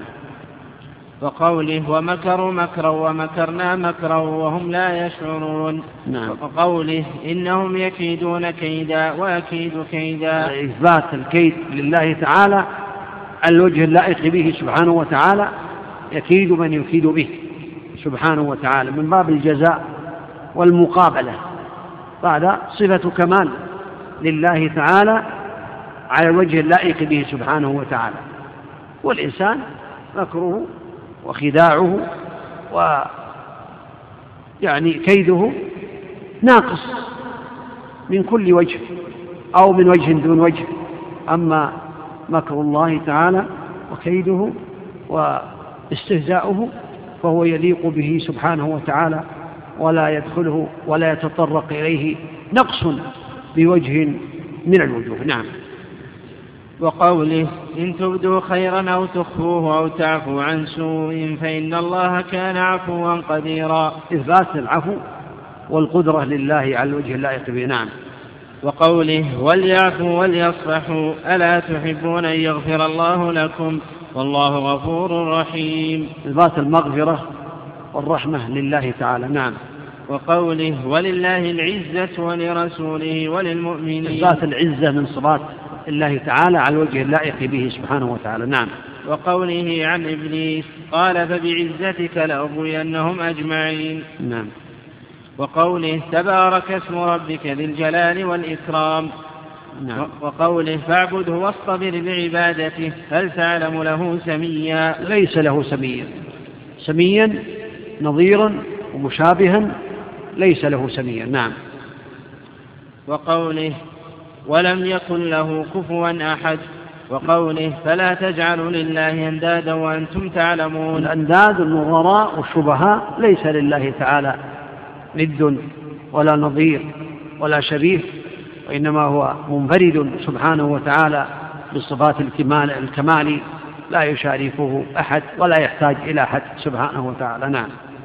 وقوله ومن الناس من يتخذ من دون الله أندادا يحبونهم كحب الله. وقوله وقل الحمد لله الذي لم يتخذ ولدا ولم يكن له شريك في الملك ولم يكن له ولي من الذل وكبره تكبيرا. نعم. وقوله يسبح لله ما في السماوات وما في الأرض له الملك وله الحمد وهو على كل شيء قدير. نزه الله تعالى عن النقص والعيب. كل من في السماوات وكل من في الأرض وله الملك وله الحمد ومن صفاته سبحانه أنه على كل شيء قدير. إذا أراد شيئا فإنما يقول له كن فيكون. سبحانه وتعالى نعم. وقوله تبارك الذي نزل الفرقان على عبده ليكون للعالمين نذيرا الذي له ملك السماوات والأرض ولم يتخذ ولدا ولم يكن له شريك في الملك وخلق كل شيء فقدره تقديرا. هذا المالك لكل شيء المدبر لكل شيء. ومع ذلك لم يتخذ ولدا ولم يكن له شريك في الملك ولم يكن له ولي من الذل. فيجب علينا أن نكبره تكبيرا ونعظمه تعظيما سبحانه وتعالى لأنه الأهل لذلك سبحانه أهل لذلك سبحانه وتعالى. نعم. وقوله واتخذ الله من ولد وما كان معه من إله. إذا لذهب كل إله بما خلق ولعلى بعضهم على بعض. سبحان الله عما يصفون. عالم الغيب والشهادة فتعالى عما يشركون. نزه نفسه سبحانه وتعالى عن هذه الصفات لأن الولادة يعني من صفات النقص وإن كانت صفات كمال للبشر لكنها من صفات النقص لله تعالى فهو لم يلد ولم يولد ولم يكن له كفوا أحد. تعالى عن النظير والشبيه والمثيل سبحانه وتعالى. نعم. وقال تعالى فلا تضربوا لله الأمثال إن الله يعلم وأنتم لا تعلمون. وقوله قل إنما حرم ربي الفواحش ما ظهر منها وما بطن والإثم والبغي بغير الحق. وأن تشركوا بالله ما لم ينزل به سلطانا وأن تقولوا على الله ما لا تعلمون. والقول على الله بغير علم في الصفات وفي الأسماء وفي الأحكام. إذا قال الإنسان على الله تعالى بغير علم فهو عديل الشرك بالله تعالى. عديل الشرك بالله تعالى. قل إنما حرم ربي الفواحش ما ظهر منها وما بطن والإثم والبغي بغير الحق. وأن تشركوا بالله ما لم ينزل به سلطانا وقرن ذلك وأن تقولوا على الله ما لا تعلمون فالذي يصف الله أو يؤول أو يكيف أو يشبه أو يعطل قد قال على الله بغير علم سبحانه وتعالى هذا عديد الشرك بالله تعالى نعم وقوله الرحمن على العرش استوى في سبعة مواضع في سورة الأعراف قوله إن ربكم الله الذي خلق السماوات والأرض في ستة أيام ثم استوى على العرش. وقال في سورة يونس إن ربكم الله الذي خلق السماوات والأرض في ستة أيام. الرحمن على العرش استوى ذكر الله تعالى ذلك كما ذكر المؤلف في سبعة مواضع. والاستواء في اللغة هو العلو والارتقاء والصعود على وارتقى وصعد واستقر هذا معنى الاستواء. أما الأشعرية ومن وافقهم فأولوا حرفوا قالوا استوى, استوى معناه استولى يحرفون الكلمة عن مواضعه. قالوا غضب أراد الانتقام. يؤولون. قالوا الرحمة إرادة الإنعام هذا تأويل فاسد لكن نحن نقول يغضب غضبا غضبا يليق بجلاله. له رحمة تليق بجلاله يرحم بها من شاء من عباده من الصفات الفعلية. لأن الصفات صفات ذاتية تلازم الله تعالى. وصفات فعلية. فمن الصفات الذاتية صفة الوجه صفة اليدين صفة العينين صفة السمع والبصر والقوة والقدرة غير ذلك من الصفات الذاتية الملازمة لله تعالى. الذاتية يعني الملازمة لله. صفات فعلية يفعلها إذا شاء سبحانه وتعالى. من هذه الصفات الفعلية يعني الغضب والرضا وغير ذلك من والنزول ينزل إلى السماء الدنيا حين يبقى ثلث الليل الآخر على وجه اللائق به سبحانه وتعالى هذه الصفات يفعلها إذا شاء وهي الصفات كمال. فالاستواء على العرش من الصفات التي اتصف بها الله تعالى صفة العلو هذه من الصفات الذاتية لله تعالى صفة العلو والاستواء هو يعني يستوي سبحانه وتعالى على الوجه اللائق به لا كاستواء المخلوق على الكرسي ولا على الدابة وإنما استواءه يليق بجلاله سبحانه وتعالى الاستواء معلوم والإيمان به واجب والكيف مجهول والسؤال عنه بدعة. نعم. وقال في سورة يونس إن ربكم الله الذي خلق السماوات والأرض في ستة أيام ثم استوى على العرش. وقال في سورة الرعد الله الذي رفع السماوات بغير عمد ترونها ثم استوى على العرش. وقال في سورة طه الرحمن على العرش استوى. وقال في سورة الفرقان ثم استوى على العرش وقال في سورة ألف لام استجده الله الذي خلق السماوات والأرض وما بينهما في ستة أيام ثم استوى على العرش. وقال في سورة الحديد هو الذي خلق السماوات والأرض في ستة أيام ثم استوى على العرش. نعم. وقوله إذ قال الله يا عيسى إني متوفيك ورافعك إلي هذا يثبت يريد المؤلف رحمه الله يثبت العلو لله تعالى. فإن قوله ورافعك إلي يدل على أن الله في العلو سبحانه وتعالى. في العلو؟ نعم. وقوله بل رفعه الله إليه نعم. وقوله إليه يصعد الكلم الطيب والعمل الصالح يرفعه والرفع يكون من أعلى من أدنى إلى أسفل. الصعود يكون من أسفل إلى أعلى. هذا يدل على أن الله عز وجل في العلو مستوي على عرشه سواء يليق بجلاله سبحانه وتعالى. نعم. وقوله وقال فرعون يا هامان ابن لي صرح يا هامان ابن لي صرحا لعلي أبلغ الأسباب. أسباب السماوات فأطلع إلى إله موسى وإني لأظنه كاذبا. وقوله آمنتم من في السماء أن يخسف بكم الأرض فإذا هي تمور؟ أم أمنتم من في السماء أن يرسل عليكم حاصبا؟ فستعلمون كيف نذير. أمنتم من في السماء؟ أي في العلو. لها معنى يعني. إذا قيل الله في السماء هو إن أريد بها في السماء العلو فهو في العلو سبحانه وتعالى. وإن أريد السماء المبنية فالمعنى على السماء. كما قال الله تعالى حينما بين قول فرعون قال لأصلبنكم في جذع النخل. يعني على جذع النخل. ففي هنا في إن أريد بها السماء المبنية فهي على السماء يعني على العرش استوى. ونريد بذلكم العلو فهو في العلو في السماء في العلو. كما قال النبي عليه الصلاة والسلام للجارية أين الله قال في السماء قال اعتقها فإنها مؤمنة. أي في العلو أو على العرش استوى. نعم.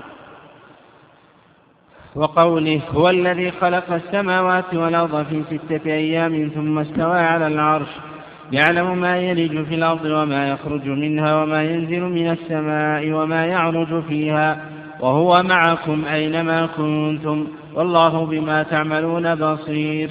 وقوله ألم تر أن الله يعلم ما في السماوات وما في الأرض؟ ما يكون من نجوى ثلاثة إلا هو رابعهم ولا خمسة إلا هو سادسهم.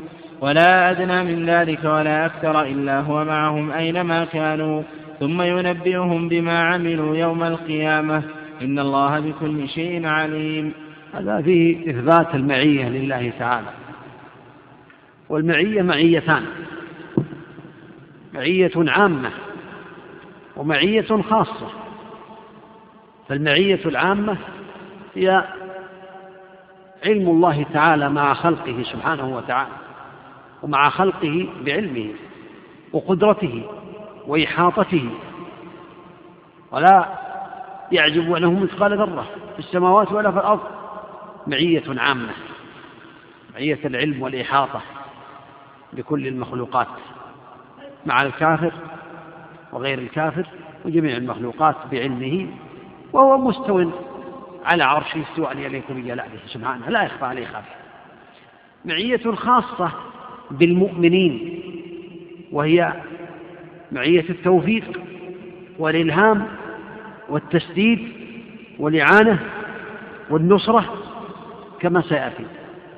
هذا يعلم بأن هناك معية عامة لجميع المخلوقات وأن هناك معية خاصة لعباده المؤمنين سبحانه وتعالى من المتقين والصابرين والمحسنين. وغير ذلك من عباد الله المؤمنين. نعم. وقوله لا تحزن إن الله معنا. هذا من المعية الخاصة معنا بنصره وتوفيقه نعم. وقوله إنني معكما أسمع وأرى. وقوله إن الله مع الذين اتقوا والذين هم محسنون. هذه من المعية الخاصة كذلك. نعم. وقوله واصبروا إن الله مع الصابرين. وقوله كم من فئة قليلة غلبت فئة كثيرة بإذن الله والله مع الصابرين. نعم. وقوله ومن أصدق من الله حديثا. وقوله ومن أصدق من الله قيلا. نعم. وقوله إذ قال الله يا عيسى ابن مريم. إثبات الحديث لله تعالى. إثبات آه يعني القول لله تعالى. إثبات الكلام لله تعالى. نعم. وقوله وتمت كلمة ربك صدقا على الوجه اللائق به لا يشبه بذلك أحدا من خلقه. له كلام ككلامنا لا ككلامنا قول لا كقولنا حديث لا كحديثنا على الوجه اللائق بالله تعالى. نعم. وقوله وتمت كلمة ربك صدقا وعدلا وقوله وكلم الله موسى تكليما وقوله منهم من كلم الله وقوله ولما جاء موسى لميقاتنا وكلمه ربه وقوله وناديناه من جانب الطور الأيمن وقربناه نجيا. هذا إثبات النداء لله على الوجه اللائق بالله تعالى لا كنداء المخلوقين نعم. وقوله وإذ نادى ربك موسى أن ائت القوم الظالمين. وقوله وناداهما ربهما ألم أنهكما عن تلكما الشجرة. وقوله ويوم يناديهم فيقول ماذا أجبتم المرسلين؟ وقوله وإن أحد من المشركين استجارك فأجره حتى يسمع كلام الله. وقوله وقد كان فريق منهم يسمعون كلام الله ثم يحرفونه من بعد ما عقلوه وهم يعلمون. هذا فيه إثبات الكلام لله تعالى وأن الله يتكلم بكلام مسموع قد تكلم بالقرآن تكلم بالكتب السماوية سبحانه وتعالى كلام يسمع لكنه ليس ككلام المخلوقين سبحانه وتعالى يتكلم إذا شاء. فالكلام كما ذكر العلماء هو من الصفات الفعلية من الصفات الذاتية ومن الصفات الفعلية. من الصفات الذاتية أن الله تعالى يتكلم سبحانه وتعالى بكلام مسموع في أي وقت يريده سبحانه وتعالى. والفعلية يتكلم إذا شاء بما شاء سبحانه وتعالى. نعم. وقوله يريدون أن يبدلوا كلام الله قل لن تتبعونا كذلكم قال الله من قبل. وقوله واتل ما أوحي إليك من كتاب ربك لا مبدل لكلماته. وقوله إن هذا القرآن يقص على بني إسرائيل أكثر الذي هم فيه يختلفون. وقوله وهذا كتاب أنزلناه مبارك وقوله لو أنزلنا هذا القرآن على هذا يدل على أن القرآن منزل. فالقرآن كلام الله تعالى. كلام الله بلفظه ومعانيه وحروفه سبحانه وتعالى. منه بدأ وإليه يعود. أنزله الله تعالى فهو منزل غير مخلوق. منه بدأ وإليه يعود.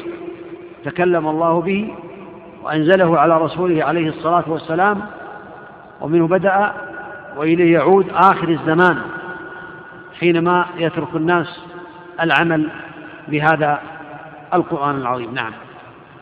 وقوله لو أنزلنا هذا القرآن على جبل لرأيته خاشعا متصدعا من خشية الله وقوله وإذا بدلنا آية مكان آية والله أعلم بما ينزل قالوا إنما أنت مفتر بل أكثرهم لا يعلمون قل نزله روح القدس من ربك بالحق ليثبت الذين آمنوا وهدى وبشرى للمسلمين ولقد نعلم أنهم يقولون إنما يعلمه بشر لسان الذي يلحدون إليه أعجمي وهذا لسان عربي مبين وقوله وجوه يومئذ ناظرة إلى ربها ناظرة.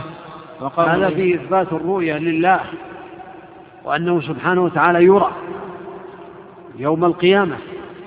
يراه المؤمنون في عرصات القيامة ويرونه في الجنة. هذا من صفات الله تعالى أنه يرى في الآخرة في الجنة يراه المؤمنون. وجوه يومئذ ناظرة أي مشرقة. إلى ربها ناظرة تنظر إلى الله تعالى.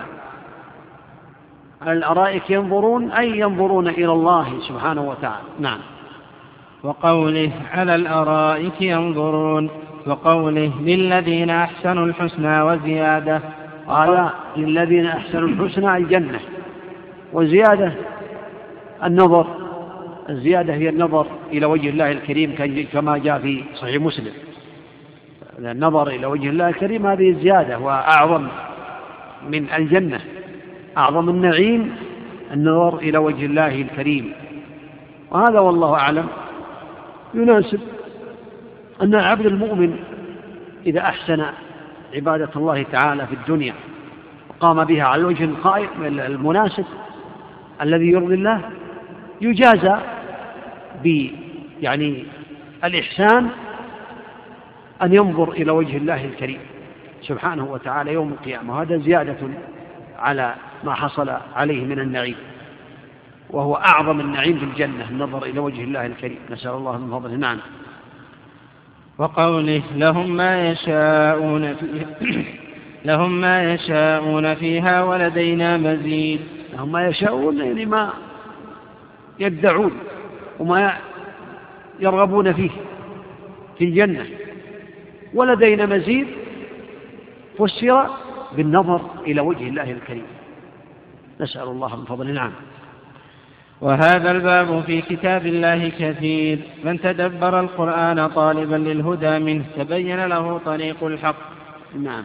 ثم في سنة رسول الله صلى الله عليه وسلم فالسنة تفسر القرآن وتبينه وتدل عليه بعد أن ذكر المؤلف رحمه الله تعالى الآيات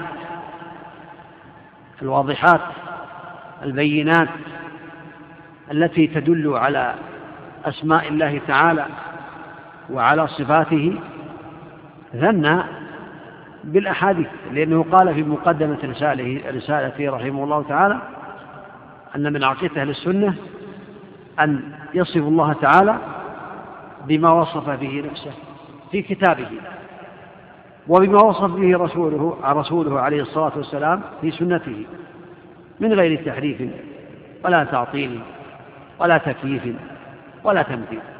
فبعد أن ذكر الآيات أو جملة من الآيات ثنى بذكر الأحاديث أو جملة من الأحاديث التي فيها صفات ذكرت في الآيات أو لم تذكر انفردت فإن السنة شارحة مبينة للقرآن وربما استقلت بأحكام بأحكام وصفات من صفات الله تعالى لم ترد في القرآن لأنها هي الوحي الثاني.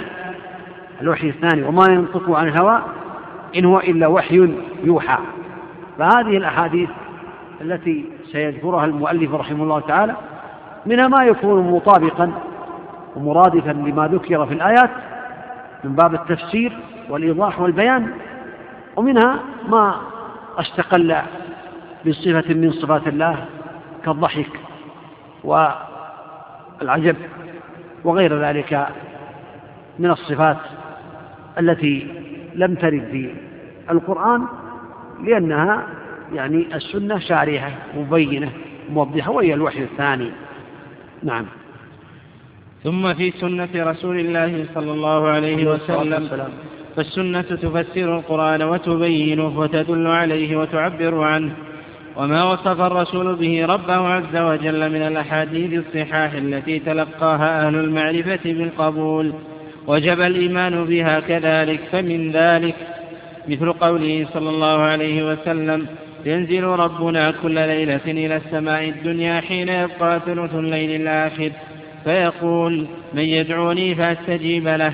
من يسألني فأعطيه من يستغفرني فأغفر له متفق عليه. هذا من الأحاديث التي تبين صفة النزول لله سبحانه وتعالى. ينزل ربنا نزولا يليق بجلاله لا كنزول المخلوق من السطح إلى الأرض أو من الدابة إلى غيرها لا. هذا نزول يختص بالله. النزول معلوم نزول الله. والإيمان به واجب. والكيف مجهول. ما أخبرنا الله بكيفية النزول سبحانه وتعالى. له كيف لكن الله استأثر بعلمه ولم يخبرنا. فنحن لا علم لنا بالكيفية. والسؤال عنه بدعة أي عن كيفية النزول. وهذا النزول فيه فوائد. يعني يقول من يدعوني فأستجيب له. إجابة الدعاء. من يسألني فأعطيه. من يستغفرني فأغفر له. وهذا فيه الحث على أن يعنى العبد المسلم بالأسحار في الثلث الآخر من الليل في كل قطر في كل مكان. في أمريكا في آسيا في أفريقيا في أي مكان يعني يسأل أو يبين يعني يعلم بأن الله ينزل في وقته الذي هو في الثلث الآخر من الليل في أي مكان. إن الله على كل شيء قدير. فنزول كل بلد وكل قطر على حسب يعني ما عندهم من الوقت. الله تعالى على كل شيء قدير. هو ينزل نزولا يليق بجلاله في الثلث الآخر من الليل. نعم. وقوله صلى الله عليه وسلم لله أشد فرحا إذا كان, إذا كان الوقت ينتهي في الساعة الخامسة والنصف فنكتفي بما نقف على الإمام بما وصف به الرسول صلى الله عليه وسلم نفسه والبقية مع الأسئلة. نعم. صلى الله وسلم وبارك على نبينا محمد وعلى آله وأصحابه أجمعين. إن شاء الله نكمل بعد المغرب إن شاء الله تعالى. نعم. أحسن الله إليكم. يقول السائل أرجو أن تبين حكم هذا الفعل وهو قول الإنسان قلوب العباد بين أصبعين من أصابع. نعم. أعد أعد. أحسن الله إليكم. يقول السائل أرجو أن تبين حكم هذا الفعل وقول الإنسان قلوب العباد بين أصبعين من أصابع الله ويشير بإصبعيه. لا بأس بهذا لكن الإصبعين ليست كإصبعي الرحمن سبحانه وتعالى. إصبعين تختلف. لله أصابع لكنها ليست كأصابع المخلوقين. ولهذا والله أعلم النبي عليه الصلاة والسلام قال إن الدجال أعور العين يمنى. وأشار إلى عينه وإن ربكم ليس بأعور وأشار إلى عينه. هذا يدل على أن هذا لا حرج فيه لكن هذا هذه الإشارة لا تدل على أن عين الله أو أصبع الله تعالى كأصبع الآدمي. الله تعالى يجعل الجبال يوم القيامة على أصبع والثرى على أصبع والشجر على أصبع. فأصابع الله تعالى ليست كأصابع المخلوقين. نعم. أحسن الله إليكم. يقول السائل هل صفة الاستواء من الصفات الذاتية؟ لكن لو كان هذا يشكل على الناس ويسبب بلبلة بين الناس الإنسان يتوقاه إذا كان يشبه على الناس ويحصل فيه شبهة عند الناس يثبت لله ما أثبت لنفسه سبحانه وتعالى. نعم. أحسن الله إليكم. يقول السائل هل صفة الاستواء من الصفات الذاتية أو الفعلية أو أنها ذاتية فعلية؟ نعم. أحسن الله إليكم. يقول صفة الاستواء هل هي ذاتية أو فعلية أم ذاتية فعلية؟ العلو صفة ذاتية لله تعالى. العلو صفة ذاتية. والاستواء ينزل سبحانه وتعالى كما أخبر في الثلث الآخر من الليل. قد كان ولا عرش كان سبحانه وتعالى ولا عرش وكان عرشه على الماء. نعم. أحسن الله إليكم. يقول السائل هل الساتر من أسماء الله؟ هل الساتر من أسماء الله؟ الساتر. أي نعم. الأسماء الصواب والله أعلم أنه ليس عليه دليل وإنما من أسماء الله الستير. إن الله حيي ستير. فمن أسماء الله تعالى الستير. عامة الناس في الغالب يقولون يا ساتر. الصواب أن يقول يا ستير. نعم.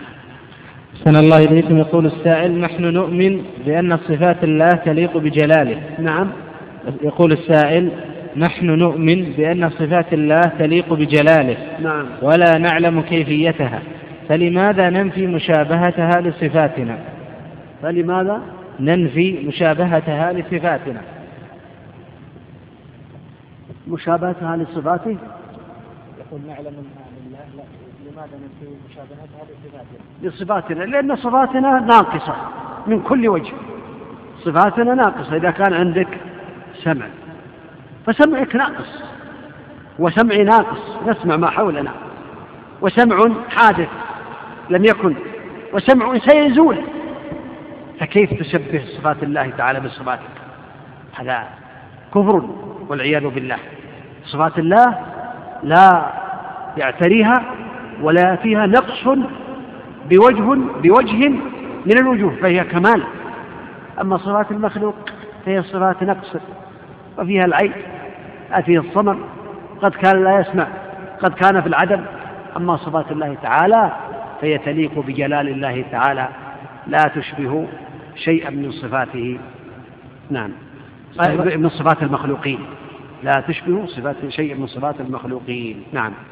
أحسن الله إليكم. يقول السائل هل رأى موسى عليه السلام أو النبي صلى الله عليه وسلم ربهما عز وجل؟ الصواب أن الله تعالى لم يرى في الدنيا. وإن موسى عليه الصلاة والسلام حينما قال ربي أرني أنظر إليك قال انظر إلى الجبل فإن استقر مكانه فسوف تراني. فلما تجلى ربه للجبل جعله دكا وخر موسى صعقا قال سبحانك تبت إليك. والنبي عليه الصلاة والسلام قال حينما سئل نون أن أراه. يعني حال بيني وبينه النور فالصواب من أقوال العلم وهو ما يرجح شيخنا رحمه الله تعالى ابن باز أن الله تعالى في الدنيا لم يرى. لأن البشر ضعيف البصر. ما يستطيع أن يتحمل ولهذا الجبل ما تحمل النظر إلى الله تعالى حينما تجلى ربه للجبل. موسى صعقة أما في الآخرة فالله تعالى يعطي المؤمنين قوة أبصار تتحمل النظر إلى وجه الله الكريم. نعم. سن الله إليكم. يقول السائل هذه مسألة حيرتني كثيرا وهي قوله تعالى ويمكرون ويمكر الله والله خير الماكرين وقوله يخادعون الله وهو خادعهم هل هذه الصفات التي في الآيات صفات ثابتة لله أم أنها جزاء فعل المنافقين؟ وذلك بأنهم ادعوا أنهم خدعوا الله فرد عليهم سبحانه بأن الجزاء من جنس العمل. هذه الصفات لا يقال لها صفات من صفات الذات وإنما من صفات الأفعال. يفعلها إذا شاء سبحانه وتعالى وهي صفات كمال لله. يمكر بمن يمكر به ويستهزئ بمن يستهزئ به من المنافقين والكافرين وغيرهم ويكيد بمن يكيد به سبحانه وتعالى. فهي صفات فعلية تليق بالله تعالى لا كصفات المخلوقين من مكرهم وكيدهم وخداعهم فإن هذه صفات نقص للمخلوق. أما لله فهي صفات كمال له على الوجه اللائق به سبحانه وتعالى. ومنها ما يكون من باب الجزاء والمقابلة. يمكر بمن يمكر به يخادع من يخادعه يخادعون الله ويخادعهم. وهكذا. فهذه الصفات أفعال يفعلها إذا شاء على الوجه اللائق به لا نقص فيها بوجه من الوجوه. نعم. أحسن الله إليكم. يقول السائل ما معنى حديث إن الله لا يمل حتى تملوا؟ وهل الله يمل؟ هذا على ظاهره على ظاهره لكن ملل الله تعالى لا كمال لنا خذ قاعدة.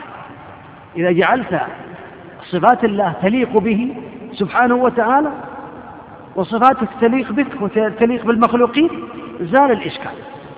الملل هنا يعني من صفات الله تعالى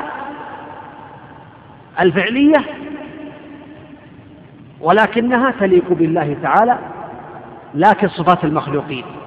فهي صفة كمال على الوجه اللائق بالله. لا نؤول لا نحرف لا نعطل لا نكيف أما صفات البشر فهي صفات نقص؟ ملل يعني عند البشر نقص. لكن عند الله تعالى إذا أضيف إن الله لا يمل حتى تمل فهذا صفة كمال على الوجه اللائق بالله تعالى لا يدور في ذهنك أنها كصفة المخلوق. لا السمع ولا البصر ولا اليدين ولا غير ذلك ولا الوجه. لو نظرت وقست على صفات المخلوق تضل والعياذ بالله. نعم. أحسن الله إليكم يقول السائل هل يصح القول في الدعاء أنا منك وإليك؟ مستدل نعم. مستدل بقوله فنفخت فيه من روحي. يقول هل يصح القول في الدعاء أنا منك وإليك؟ أنا منك وإليك إيه؟ مثل ما قال النبي عليه الصلاة والسلام في الحديث الصحيح.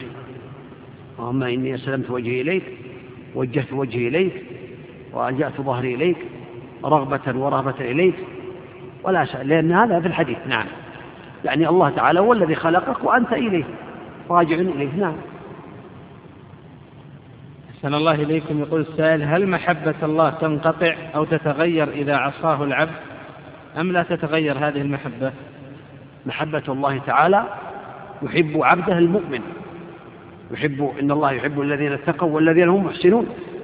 فالمحبة من الصفات الفعلية. الصفات الفعلية التي يفعلها إذا شاء. والبغض من الصفات الفعلية التي يفعلها إذا شاء. فهو يبغض المنافقين ويبغض المجرمين ويبغض الكافرين. وقد يمن الله على المؤمن على العاصي بالتوبة ويمن على الكافر بالإسلام فيحبه بعد الإسلام وهو يعلم سبحانه وتعالى ذلك. يعلم ذلك قبل أن يعني بدون علم أزلي بأن فلانا سيسلم وبأن فلانا سيتوب وهكذا سبحانه وتعالى. نعم. صلى الله إليكم يقول ما هو حكم القول بخلق القرآن؟ نعم. ما حكم القول بخلق القرآن؟ خلق القرآن. خلق القرآن خلق القوم بخلق القرآن كفر تكذيب لله تعالى. الله تعالى خلق الخلق. أما القرآن فهو صفة من صفات الله كلام كلامه سبحانه وتعالى. فهو صفة صفات الله غير مخلوقة. فالقرآن كلام الله منه بدأ وإليه يعود. نعم. صلى الله إليكم. هذا سائل كتب على سؤاله أنا خصمك إن لم تقرأ هذا السؤال على الشيخ. إيه؟ يقول هل يمكن التقريب بين أهل السنة والجماعة وبين الجماعات المعاصرة كالإخوان والتبليغ يقول هل هل يمكن التقريب بين أهل السنة والجماعة وبين الجماعات كجماعة الإخوان وجماعة التبليغ؟ نعم يمكن التقريب بل الالتزام بطاعة الله تعالى وطاعة النبي عليه الصلاة والسلام.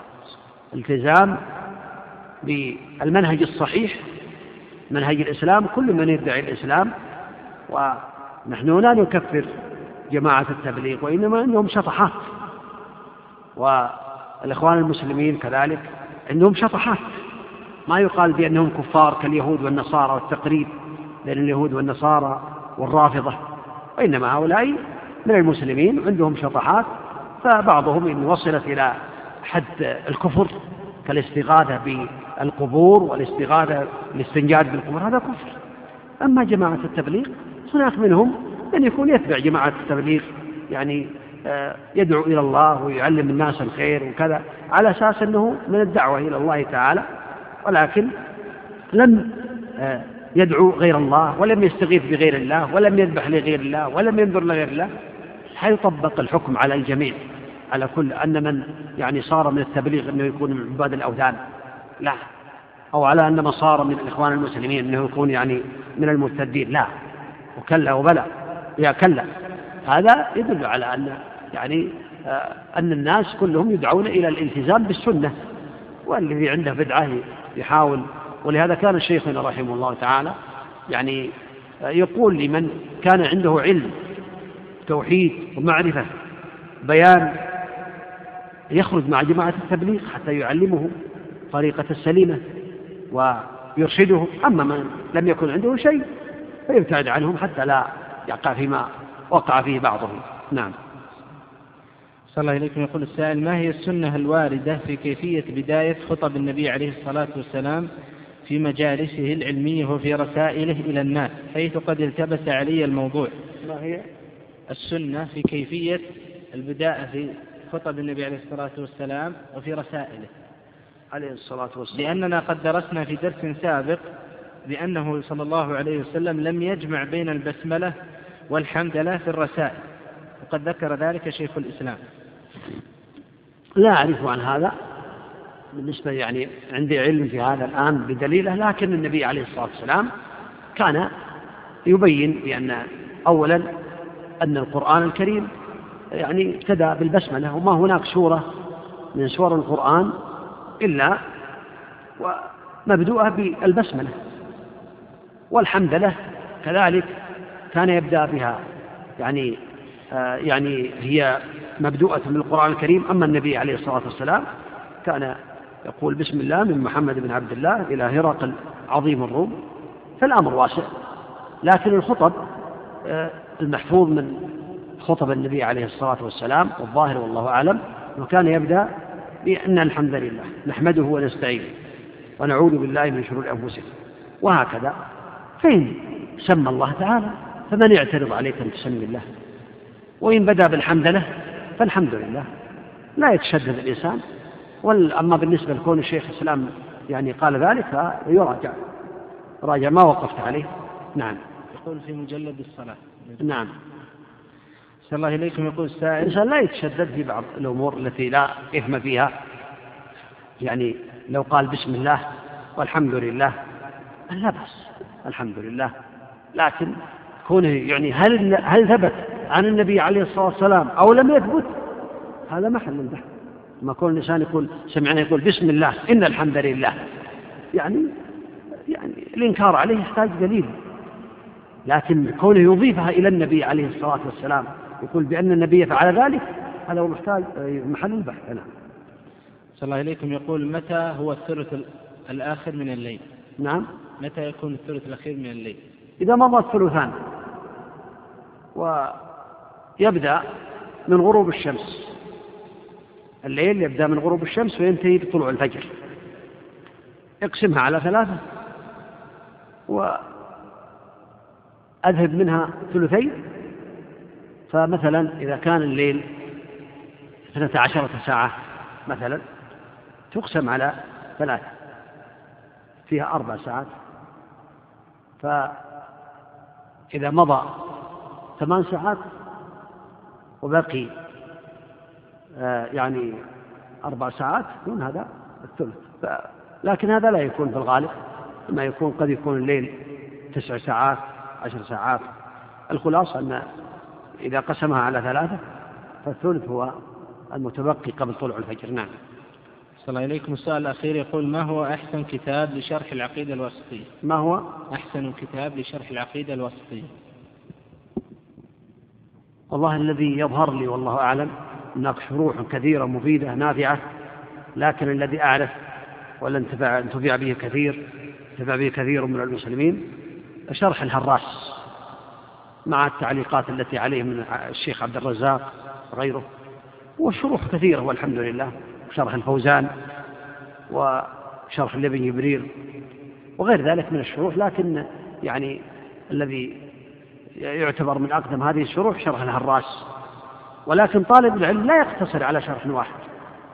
إذا كان شرح العقيدة الوسطية أكثر من شارح وعلق عليه أكثر من معلق ف ولكن الذي يظهر والله أعلم أن أحسن شرح في من الشروح المتأخرة جدا شرح الشيخ ابن عثيمين رحمه الله تعالى. شرح العقيدة الوسطية شرحها شرحا مفيدا مبسوطا ولكن لا يستغنى عن شرح بالشروح الأخرى وإنما طالب العلم يجمع بين الشروح المفيدة شرح أهل السنة. لا يستغني عن شرح الرأس ولا يستغني عن شرح الشيخ ابن عثيمين رحمه الله ولا يستغني عن تعليقات سماحة الشيخ عبد العزيز وغير ذلك. رحمة الله على الجميع. طالب العلم يأخذ أهل السنة يعني إذا فات على الشارح شيء وجده عند الشارح الآخر وهكذا. نعم. بارك الله فيك. نسأل الله عز وجل لنا ولكم العلم النافع والعمل الصالح والتوفيق لما يحبه ويرضاه. صلى الله وسلم وبارك على نبينا محمد وعلى آله وأصحابه وسلم تسليما كثيرا.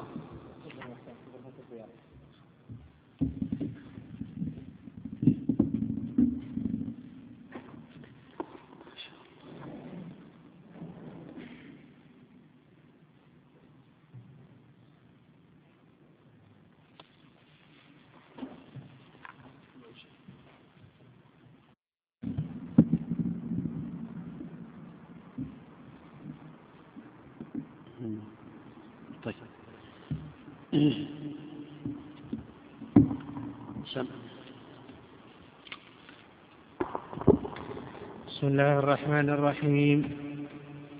الحمد لله رب العالمين. صلى الله وسلم وبارك على نبينا محمد وعلى آله وصحبه أجمعين. قال الإمام شيخ الإسلام أحمد بن عبد الحليم بن عبد السلام ابن تيمية الحراني رحمه الله في رسالته العقيدة الواسطية وقوله صلى الله عليه وسلم الله أشد فرحا بتوبة العبد المؤمن من أحدكم براحلته. متفق عليه. وقوله صلى الله عليه وسلم يضحك الله إلى رجلين يقتل أحدهما الآخر كلاهما يدخل الجنة. بسم الله الرحمن الرحيم. الحمد لله رب العالمين صلى الله وسلم وبارك على نبينا محمد وعلى آله وأصحابه أجمعين. ما بعد إتماما لما تقدم من الكلام عن صفات الله تعالى في هذه الأحاديث التي وصف الله تعالى وصف النبي عليه الصلاة والسلام ربه فيها بهذه الصفات. آه هذا الحديث الأول يدل على صفة الفرح. بقوله عليه الصلاة والسلام لله أشد فرحا بتوبة عبده. من أحدكم براحلته الحديث. رجل كان في برية عنده راحلته وعليه طعامه وشرابه فضلت فاستسلم للموت ونام تحت الشجرة. فاستيقظ وإذا براحلته على الشجرة. ففرح بها فرحا شديدا وأخذ بخطامها وقال اللهم أنت عبدي وأنا ربك. أخطأ من شدة الفرح. فالله تعالى أفرح بتوبة عبده من هذا براحلته وفرح الله تعالى فرح الله تعالى يليق بجلاله.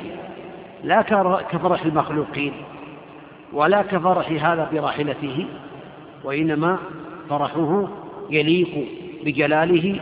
فرح من صفات الله تعالى لا كصفات المخلوقين. ولا كفرحنا وفرح المخلوقين وإنما هو مختص بالله تعالى. والحديث الثاني فيه إثبات الضحك لله تعالى على الوجه اللائق به سبحانه. يعني قال النبي عليه الصلاة والسلام يضحك الله إلى رجلين يقتل أحدهما الآخر كلاهما يدخل الجنة. رجل مسلم جاهد في سبيل الله ورجل كافر قتل في هذا الجهاد قتله المسلم. والله تعالى يعلم بأن هذا يدخل الجنة القاتل والمقتول.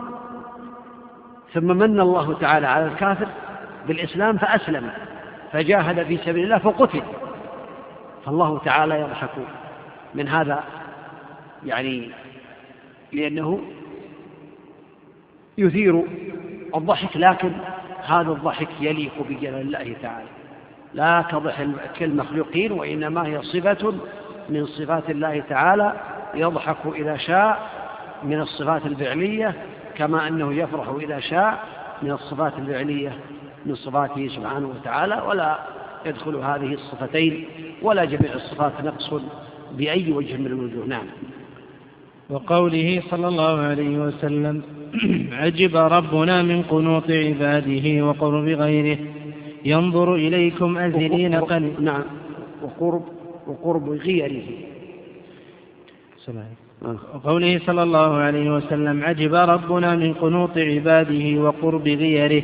نعم. ينظر إليكم أزلين قنطين فيظل يضحك. يعلم أن فرجكم قريب. حديث حسن. هذا كذلك. يدل على على الحديث الأول ويدل على صفة أخرى وهي العجب. عجب ربنا. ولكن هذا العجب يليق بجلال الله. لا كعجب المخلوقين وإنما هي صفة كما تقدم من صفات الله تعالى.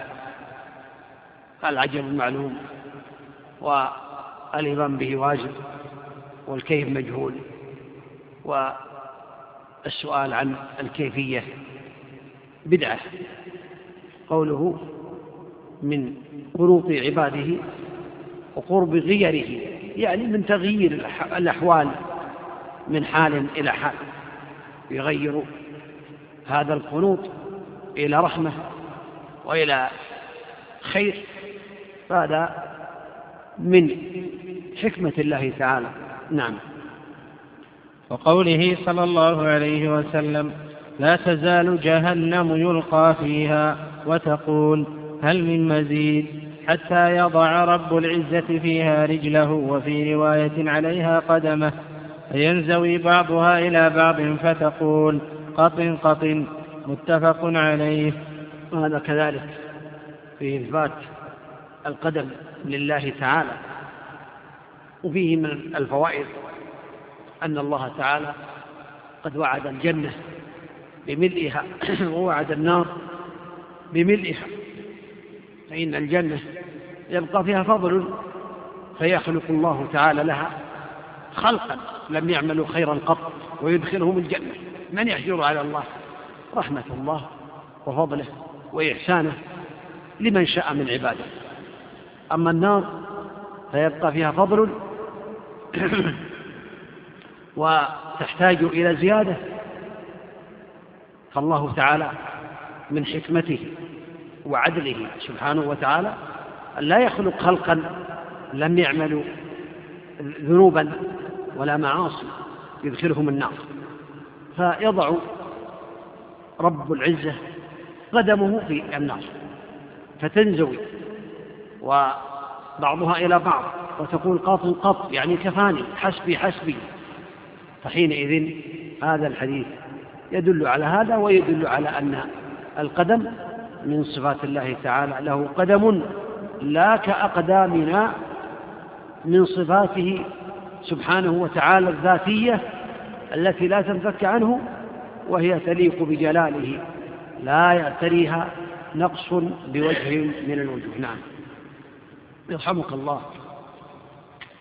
وقوله صلى الله عليه وسلم يقول الله يا آدم فيقول لبيك وسعديك فينادي بصوت إن الله يأمرك أن تخرج من ذريتك بعثا إلى النار. متفق عليه. آه كذلك. هذا فيه إثبات النداء لله وفيه إثبات القول فيقول لبيك وسعديك فيه إثبات النداء لله تعالى.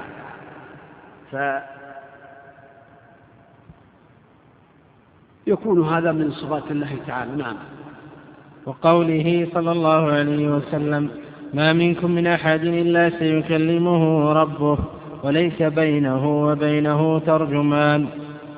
هذا يبين أن هذا الكلام من كلام الله تعالى أي يكلم عباده. ما منكم من أحد إلا ويكلمه ربه ليس بينه وبينه ترجمان. فينظر أيمن منه فلا يرى إلا ما قدم وينظر أشأم منه فلا يرى إلا ما قدم وينظر تلقاء وجهه فلا يرى إلا النار تلقاء وجهه فاتقوا النار ولو بشق تمرة أو كما قال النبي عليه الصلاة والسلام. والشاهد من هذا الحديث هو أن الله تعالى يكلم كل أحد من الناس. نعم. وقوله في رقية المريض رب ربنا الله الذي في السماء ربنا الله الذي في السماء تقدس اسمك أمرك في السماء والأرض كما رحمتك في السماء اجعل رحمتك في الأرض اغفر لنا حوبنا اغفر لنا حوبنا وخطايانا أنت رب الطيبين. أنزل رحمة من رحمتك وشفاء من شفائك على هذا الوجع فيبرأ حديث حسن. نعم هذا فيه من الصفات الرحمة لله تعالى وبه الشفاء من صفات الله على وجه اللائق به سبحانه وتعالى وغير ذلك. نعم. وقوله ألا تأمنوني وأنا أمين من في السماء يأتيني خبر السماء. حديث صحيح. وهذا فيه إثبات أن الله تعالى في السماء في العلو أو في السماء المبنية إذا قصد بها المبنية أي على السماء أي على العلو على العرش استوى سبحانه وتعالى. نعم. وقوله والعرش فوق الماء والله فوق العرش نعم. وهو يعلم ما أنتم عليه. حديث حسن رواه أبو داود وغيره. يدل على صفة الاستواء وعلى علو الله تعالى سبحانه وتعالى على ما تقدم من الصفات. نعم. وقوله للجارية أين الله؟ قالت في السماء. قال من أنا؟ قالت أنت رسول الله. قال أعتقها فإنها مؤمنة. رواه مسلم. كذلك. يدل على أن من آمن بالله وأنه في السماء لا في كل مكان فإنه مؤمن. وأن الذي لا يعتقد بأن الله في السماء بل يكون في كل مكان لا يكون مؤمنا. لذا قال أعتقها فإنها مؤمنة. ومن صفات الله تعالى أنه في العلو في السماء على العرش استوى. سبحانه وتعالى. نعم. وقوله أفضل الإيمان أن تعلم أن الله معك حيثما كنت. حديث حسن. كذلك هذا يدل على المعية الخاصة ويدل على المعية العامة لكن هنا لفظه يدل على المعية العامة. تعلم أن الله معك حيثما كنت. فالمعية العامة كما تقدم معية العلم والإحاطة والقدرة ومعية الخاصة معية التوفيق والنصرة والإعانة والتسديد. وهذه المعية الخاصة خاصة بالمؤمنين والمعية العامة لجميع المخلوقات. نعم. وقوله إذا قام أحدكم إلى الصلاة فلا يبصقن قبل وجهه ولا عن يمينه فإن الله قبل وجهه ولكن عن يساره أو تحت قدمه متفق عليه. هذا يدل على أن الله تعالى قبل وجه الإنسان في صلاته. وهذا لا إشكال فيه. الله تعالى على عرشه مستوي استواء يليق بجلاله وهو قبل وجه الإنسان. الآن الشمس لو كنت واقف أمامك تقول الشمس أمامي قبل وجهي القمر أمامي قبل وهو في السماء في العلو وهذا مخلوق. فكيف بالخالق؟ ولله المثل الأعلى السماوات والأرض وهو العزيز الحكيم. فالله تعالى مستوي على عرشه في العلو على ما يليق بجلاله وهو قبل وجه المصلي. لأنه قد أحاط بكل شيء سبحانه وتعالى. نعم. وقوله صلى الله عليه وسلم اللهم رب السماوات السبع والأرض ورب العرش العظيم ربنا ورب كل شيء ربنا ورب كل شيء فالق الحب والنوى منزل التوراة والإنجيل والقرآن أعوذ بك من شر نفسي ومن شر كل دابة أنت آخذ بناصيتها أنت الأول فليس قبلك شيء وأنت الآخر فليس بعدك شيء. وأنت الظاهر فليس فوقك شيء وأنت الباطن فليس دونك شيء. اقض عني الدين وأغنني من الفقر. رواه مسلم. هذا الدعاء فيه صفات من صفات الله تعالى وفيه أسماء أربعة. الأول هو الأول والآخر والظاهر والباطن وهو بكل شيء عليم. وهذا تفسير الأول. تفسير للأول والآخر أنت الأول فليس قبلك شيء. وأنت الآخر فليس بعدك شيء. وأنت الظاهر فليس فوقك شيء. وأنت الباطن وليس دونك شيء. اقض عني الدين واغني من الفقر. هذا ثبت أنه يقال عند النوم. من أدعية النوم. فيسن ويشرع للمسلم إذا نام أن يقول هذا الدعاء عند النوم كما شرعه النبي عليه الصلاة والسلام. نعم. وقوله صلى الله عليه وسلم لما رفع الصحابة أصواتهم بالذكر أيها الناس أربعوا اربعوا اربعوا اربعوا على أنفسكم فإنكم لا تدعون أصم ولا غائبا إنما تدعون سميعا بصيرا قريبا إن الذي تدعونه أقرب إلى أحدكم من عنق راحلته متفق عليه. إنما تدعون سميعا قريبا فيه بصيرا ولا ما فيه؟ إنما تدعون سميعا قريبا إن الذي تدعونه أقرب إلى أحدكم من عنق راحلته هذا الحديث فيه فوائد. منها أن الذاكر لله تعالى لا يرضى صوته بفوق المعتاد لأن الله يسمع سبحانه وتعالى لا يخفى عليه شيء. وفيه إثبات السمع لله تعالى وإثبات القرب على الوجه اللائق به. والقرب يعني كالمعية الخاصة قريب من عباده سبحانه وتعالى. وبين فيه أن الله تعالى أقرب إلى أحدكم من عنق راحلته قريب. كما يقال هو قريب في علوه علي في دنوه. وإذا كان قريب منا فهو علي. وإذا كان كذلك علي فهو قريب. وسيأتي هذا إن شاء الله. نعم.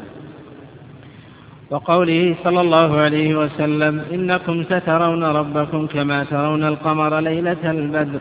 لا تضامون في رؤيته. فإن استطعتم أن لا تغلبوا على صلاة قبل طلوع الشمس وصلاة قبل غروبها فافعلوا متفق عليه. هذا كذلك يدل على أن الله يرى يوم القيامة يراها المؤمنون. إنكم سترون ربكم كما ترون القمر ليلة البدر. لكن الرؤية ليست كالرؤية. والمرء ليس كالمرء. فالله تعالى ليس كالقمر. وإنما هذا من باب التقريب. فهم يرون ربهم يوم القيامة لا تضامون وفي رواية لا تضامون أي لا ينضم بعضهم إلى بعض لينظروا إلى الله. كل واحد ينظر وهو في مكانه. ولا تضامون أي لا يلحق بعضهم الضيم والألم والتعب في النظر إلى وجه الله الكريم. وإنما ينظر إلى الله تعالى ورؤيته سبحانه وتعالى الوجه اللائق به سبحانه وتعالى وهذا من عقيدة أهل السنة والجماعة. وفيه فوائد منها فضل صلاة العصر وصلاة الفجر وهما البردان من صلى البردين دخل الجنة كما قال النبي عليه الصلاة والسلام. لأن من حافظ على هاتين الصلاتين فإنه من باب أولى أن يحافظ على الصلوات الأخرى. نعم. إلى أمثال هذه الأحاديث التي يخبر فيها رسول الله صلى الله عليه وسلم عن ربه بما يخبر به. فإن الفرقة الناجية أهل, أهل السنة والجماعة يؤمنون بذلك كما يؤمنون بما أخبر الله به في كتابه من غير تحريف ولا تعطيل ومن غير تكييف ولا تمثيل. بل كما بين المؤلف رحمه الله تعالى في أول الكتاب إثبات الصفات لله تعالى في القرآن بين هنا إثبات الصفات لله تعالى في السنة من غير تحريف ولا تعطيل ولا تكييف ولا تمثيل نعم. بل هم بل هم الوسط في الفرق بل هم الوسط في فرق الأمة كما أن الأمة هي الوسط في الأمم. أنا هذه الفرقة أهل السنة والجماعة هم وسط في فرق الأمة كما أن الأمة هي الوسط في الأمم. أهل السنة والجماعة وسط في هذه الأمة. بين الجهمية وبين الوعيدية كما سيأتي إن شاء الله. كما أن هذه الأمة هي وسط في الأمم التي قبلها. نعم يأتي إن شاء الله. نعم. فهم وسط في باب صفات الله سبحانه وتعالى بين أهل التعطيل الجهمية وأهل التمثيل المشبهة. وهم وسط في أهل السنة وسط بين أهل التعطيل الجهمية أتباع جهم بن صفوان وبين التمثيل المشبهة. فأهل التعطيل عطلوا الله عن صفاته وسلبوه الصفات ولم يثبتوا له شيء لا من الأسماء ولا من الصفات إلا الوجود لكنه يرد عليهم يقال الذات يعني يقال أثبتوا له سبحانه وتعالى ما أثبته في الذات فإذا كان لله ذات ذاتا لا تشبه الذوات فاعلموا بأن له صفات لا تشبه الصفات يرد عليهم بما أثبتوا فيقال إن كنتم تقولون بأن لله ذات. لماذا تقولون لله ذات؟ قالوا لأنها لا تشبه الذوات. إذا قولوا فيما نفيتم مثل ما قلتم فيما أثبتتم. قولوا لله الصفات لا تشبه الصفات. إذا فالجهمية هم عطلوا الله تعالى عن أسمائه والصفات. قابلهم جهة أخرى أثبتوا الصفات والأسماء لله. لكن قالوا مثل صفاتنا له وجه كوجوهنا ويد كأيدينا وصفات كصفاتنا. أهل السنة لم يكونوا مع هؤلاء ولا مع هؤلاء توسطوا فلم يأخذوا بالتعطيل ولم يثبتوا لله صفات كصفات البشر فقالوا لله الصفات لا كصفات المخلوقين بل تليق بجلاله سبحانه وتعالى على الوجه اللائق به سبحانه. فلم يعطلوا الله عن صفاته ولم يبالغوا في الإثبات كما أبلغ بالغ المشبهة فشبهوا بخلقه وإنما وصف الله بالصفات على الوجه اللائق به سبحانه. ليس كمثله شيء وهو السميع البصير. نعم. وهم وسط في باب أفعال الله بين الجبرية والقدرية وغيرهم. كذلك وسط في أفعال الله بين القدرية والجبرية. القدرية قالوا بأن العبد هو الذي خلق أفعاله. والله تعالى لا علم له بذلك لا إلا بعد ما يحدث. فالعبد هو الذي عمل الأعمال بدون تقدير الله تعالى. وهؤلاء هم مجوس هذه الأمة. والجبرية قالوا لا. القدر الإنسان كالريشة بمهب الريح. لا قدرة له بذلك مقدر عليه كل شيء كالريشة في مهب الريح. يعني غالوا في إثبات القدر والقدرية المعتزلة وغيرهم نفوا القدر حتى لا ينسبوا إلى الله تعالى خلق المعاصي وغير ذلك. وهذا باطل وهذا باطل. أهل السنة والجماعة توسطوا قالوا بأن الله خالق كل شيء. والعبد ليس بمجبور على فعله وإنما هو مخير. فله أن يعمل الأعمال وله أن يتركها لأن الله أعطاه قدرة وأعطاه قوة. فهو يعني الله تعالى خلق العباد وخلق أفعال العباد فلم يكونوا مع القدرية بنفي القدر وأن العبد هو الذي خلق الأفعال. ولم يكن مع الجبرية بأنه يكون كالريشة منها بالريح وأنه مجبور على أعماله وإنما توسطوا نعم. وفي باب وعيد الله بين المرجئة والوعيدية من القدرية وغيرهم. كذلك المرجئة قالوا لا يضر مع الإيمان ذنب. ما دام أنت مؤمن لا يضرك أي ذنب. مهما عمل. زنى سرق قتل عمل أي جريمة لا يضره ذنب. لأنهم يقولون بأن الإيمان تعريف الإيمان عندهم أنه قول باللسان ومنهم من يقول اعتقاد بالقلب فقط بدون الأعمال. فلم يدخلوا الأعمال في مسمى الإيمان مرجئة. وهم ساووا بين أولياء الله تعالى وأعداء الله. فلا فرق بين أفجر الناس وبين أبي بكر وعمر والأنبياء عليهم الصلاة والسلام. فالإنسان إذا كان طائعا لله فأبي بكر وعمر وسائر المؤمنين يساوي من كان أفجر الناس وأقبع يعني آه، أظلم الناس. لا ميزة له عندهم.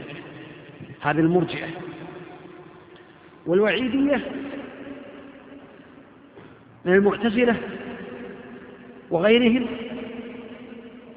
يقولون بأن الإنسان الإيمان قول باللسان واعتقاد بالقلب وعمل بالجوارح لكنه لا يزيد ولا ينقص. الإيمان شيء واحد فإذا ذهب بعضه ذهب كله. من هؤلاء في الطرف المرجع يقولون اعمل أي ذنب ما يضرك. اعمل ما دام أنك ما كفرت بالله أبدا أي ذنب ما يضرك. وأنت يعني مثل أفضل الناس ومثل الملائكة بعد. والخوارج من المعتزلة والخوارج والمعتزلة قالوا في هذا الباب بأنه إذا عمل كبيرة فإنه يكون كافرا.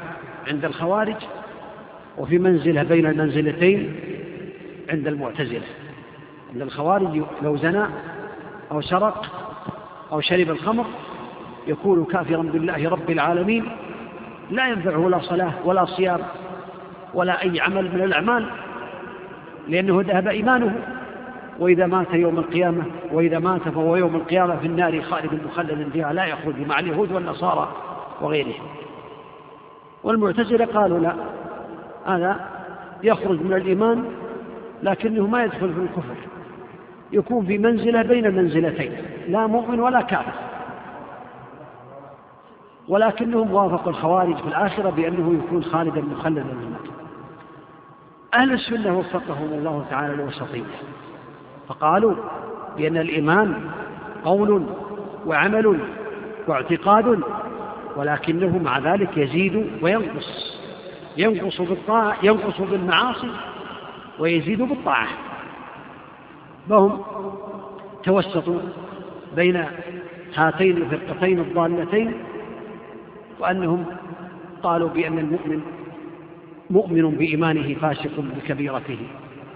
فهو يعني في الدنيا يكون مسلم لكنه ناقص الإيمان مؤمن بإيمانه ناقص من الإيمان. وفي الآخرة يكون تحت مشيئة الله. إن شاء الله عفى عنه وغفر له لأن الله يقول إن الله يغفر إن الله لا لا يغفر أن يشرك به ويغفر ما دون ذلك لمن يشاء. إن شاء الله غفر له في الآخرة وإن شاء عذبه لكنه لا يخلده في النار. ما دام لا يأتي أو ما دام لم يأتي بناقض من نواقض الإسلام.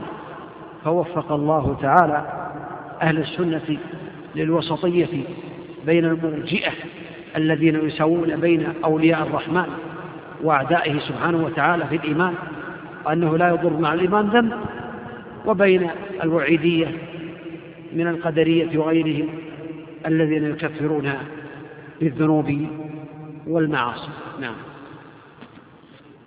وفي باب أسماء الإيمان والدين بين الحرورية والمعتزلة وبين المرجئة والجهمية وفي أصحاب رسول كذلك في باب الإيمان والدين. يعني في باب أسماء الدين وأسماء الإيمان. يعني مؤمن فاسق كافر مسلم. هم وسط بين الحرورية كما تقدم. حرورية منسوبين إلى حرورة وهي يعني بلدة خرج فيها الخوارج في عهد علي رضي الله عنه فإنهم يكفرون بالذنوب كما تقدم ويقولون الإنسان إذا عمل كبيرا من كبائر الذنوب أنه يكون كافرا أسبل ثوبه تحت الكعبين يكون كافرا مرتد كافرا لا ينفعه أي عمل وإذا مات يكون خالدا مخالدا في النار أي كبيرة من الكبائر. والمعتزلة كذلك الذين يقولون أن العاصي يخرج من الإيمان ولكنه لا يدخل في الكفر. والمرجئة الذين يقول لا يضر مع الإيمان ذنب والجهمية كذلك. الجهمية وافقوا المرجئة. الجهمية وافقوا المرجئة. ولهذا ذكر العلماء بأن الجهمية قد جمعوا بين الشرور كلها. أما أهل السنة فوفقهم الله تعالى في أسماء الدين والإيمان. قالوا مؤمن بإيمانه فاسق بكبيرته وهو تحت المشيئة إذا مات على معصية إن شاء الله غفر له وإن شاء عذبه ثم يطهره من آه، بعد التطهير ويدخله الجنة. نعم. وفي أصحاب رسول الله صلى الله عليه وسلم بين الرافضة والخوارج. كذلك أهل السنة والجماعة وسط في أصحاب رسول الله صلى الله عليه وسلم بين الروافض وبين الخوارج. فالروافض غلوا في أهل البيت وجعلوهم في منزلة فوق منازلهم عبدوهم من دون الله خاصة عليا وغيره. والخوارج كفروا الصحابة كفروا عليا ومعاوية. هؤلاء غلوا فرفعوهم فوق منازلهم. والخوارج جفوا فكفروهم كفروا عليا ومعاوية وغيرهم ممن لا يوافقهم. أما أهل السنة فهم وسط بين غلو الروافض وبين جفاء الخوارج. اعترفوا لرسول لأصحاب رسول الله صلى الله عليه وسلم بحقهم ولم يعتقدوا لهم العصمة. بل هم بشر يصيبون ويخطئون. وما حصل منهم من بعض الأشياء فإنها مغمورة في حسناتهم العظيمة التي كالجبال كالقطرة في البحر فهو معفو عنهم. وما حصل منهم من الاجتهاد فهم بين رجلين. رجل اجتهد فأخطأ فله أجر واحد. لأنه يريد الحق ولكنه لم يوافقه فله أجر الاجتهاد. ورجل اجتهد فأصاب فله أجران أجر الإصابة وأجر الاجتهاد. فهم معفو عنهم ولهم كما قال النبي عليه الصلاة والسلام إذا حكم الحاكم فأخطأ فله أجر إذا صاب فله أجر. هكذا فعل أهل السنة والجماعة فلم يكونوا من الروافض. الذين يغلون في أهل البيت ولم يكونوا من الخوارج الذين يكفرون بعض الصحابة ولم يكونوا من النواصب كذلك. هناك فرقة يقال لهم النواصب حينما رأوا بأن الروافض غلوا في أهل البيت نصبوا العداء والعداوة لأهل البيت. هذا غلط. هذه مقابلة خاطئة. حينئذ أما أهل السنة فهم لا مع هؤلاء ولا مع هؤلاء وفقهم الله تعالى للصواب فحق الحق وأبطل الباطل. نعم. وقد دخل فيما ذكرناه من الإيمان بالله الإيمان بما أخبر الله به في كتابه وتواتر عن رسوله وأجمع عليه سلف الأمة. من أنه سبحانه فوق سماواته على عرشه علي على خلقه وهو سبحانه معهم أينما كانوا يعلم, يعلم ما, ما هم عاملون كما جمع بين ذلك في قوله هو الذي خلق السماوات والأرض في ستة أيام ثم استوى على العرش يعلم ما يلج في الأرض وما يخرج منها وما ينزل من السماء وما يعرج فيها وهو معكم أينما كنتم والله بما تعملون بصير. وليس معنى قوله وهو معكم أنه مختلط بالخلق فإن هذا لا توجبه اللغة بل القمر آية من آيات الله ف... بل القمر آية من آيات الله من أصغر مخلوقاته. هذا في المعية الخاصة والمعية العامة وهو سبحانه وتعالى من الإيمان به أن نؤمن بأنه سبحانه وتعالى فوق سماواته على عرشه علي على عرشه وعلى خلقه وسبحانه معهم كذلك بعلمه يعلم ما هم عاملون. كما جمع بين ذلك في هذه الآية فهو سبحانه وتعالى علي على خلقه وهو معهم بعلمه وإحاطته وقدرته كما تقدم. وهو معكم أينما كنتم. وليس معنى المعية بأنه مختلط بهم. كما أننا نقول بأن هذه الشمس أو هذا القمر لا زلنا نسير والقمر معنا. هل يعتبر القمر معنا مخالط لنا؟ أو في السماء وحن في الأرض لكن يعني نشاهده بالعلوم. هذا مثال لمخلوق. والله تعالى يعني له المثل الأعلى في السماوات والأرض وهو العزيز الحكيم. كما أن القمر نراه وهو معنا. وهو في العلو كذلك ربنا عز وجل في علوه على عرشه. كما تقول أنت لو سمعت طفلا يبكي وأنت في السطح في العلو ولله المثل الأعلى تقول يا ولدي لا تبكي أنا معك. يعني أنا مطلع عليك مراقب لك ولله المثل الأعلى. فالله تعالى في العلو وهو معنا بإحاطته وعلمه وإحاطة وقدرته وهو مع المؤمنين ومع المتقين ومع المحسنين كما تقدم المعية الخاصة نعم. وليس, مع وليس معنى قوله وهو معكم أنه مختلط بالخلق فإن هذا لا تجيبه اللغة بل القمر آية من آيات الله من أصغر مخلوقاته وهو موضوع في السماء وهو مع المسافر وغير المسافر أينما كان وهو سبحانه فوق عرشه رقيب على خلقه مهيمن عليهم مطلع عليهم إلى غير ذلك من معاني ربوبيته. وكل هذا الكلام وكل هذا الكلام الذي ذكره الله من أنه فوق العرش وأنه معنا حق على حقيقته. لا يحتاج إلى تحريف ولكن يصان عن الظنون الكاذبة. حق واضح لا يحتاج إلى تحريف يصان عن الظنون الكاذبة وأنه سبحانه وتعالى علي على خلقه سبحانه وتعالى. علي في دنوه قريب في علوه سبحانه لا يخفى عليه خافية سبحانه وتعالى. نعم.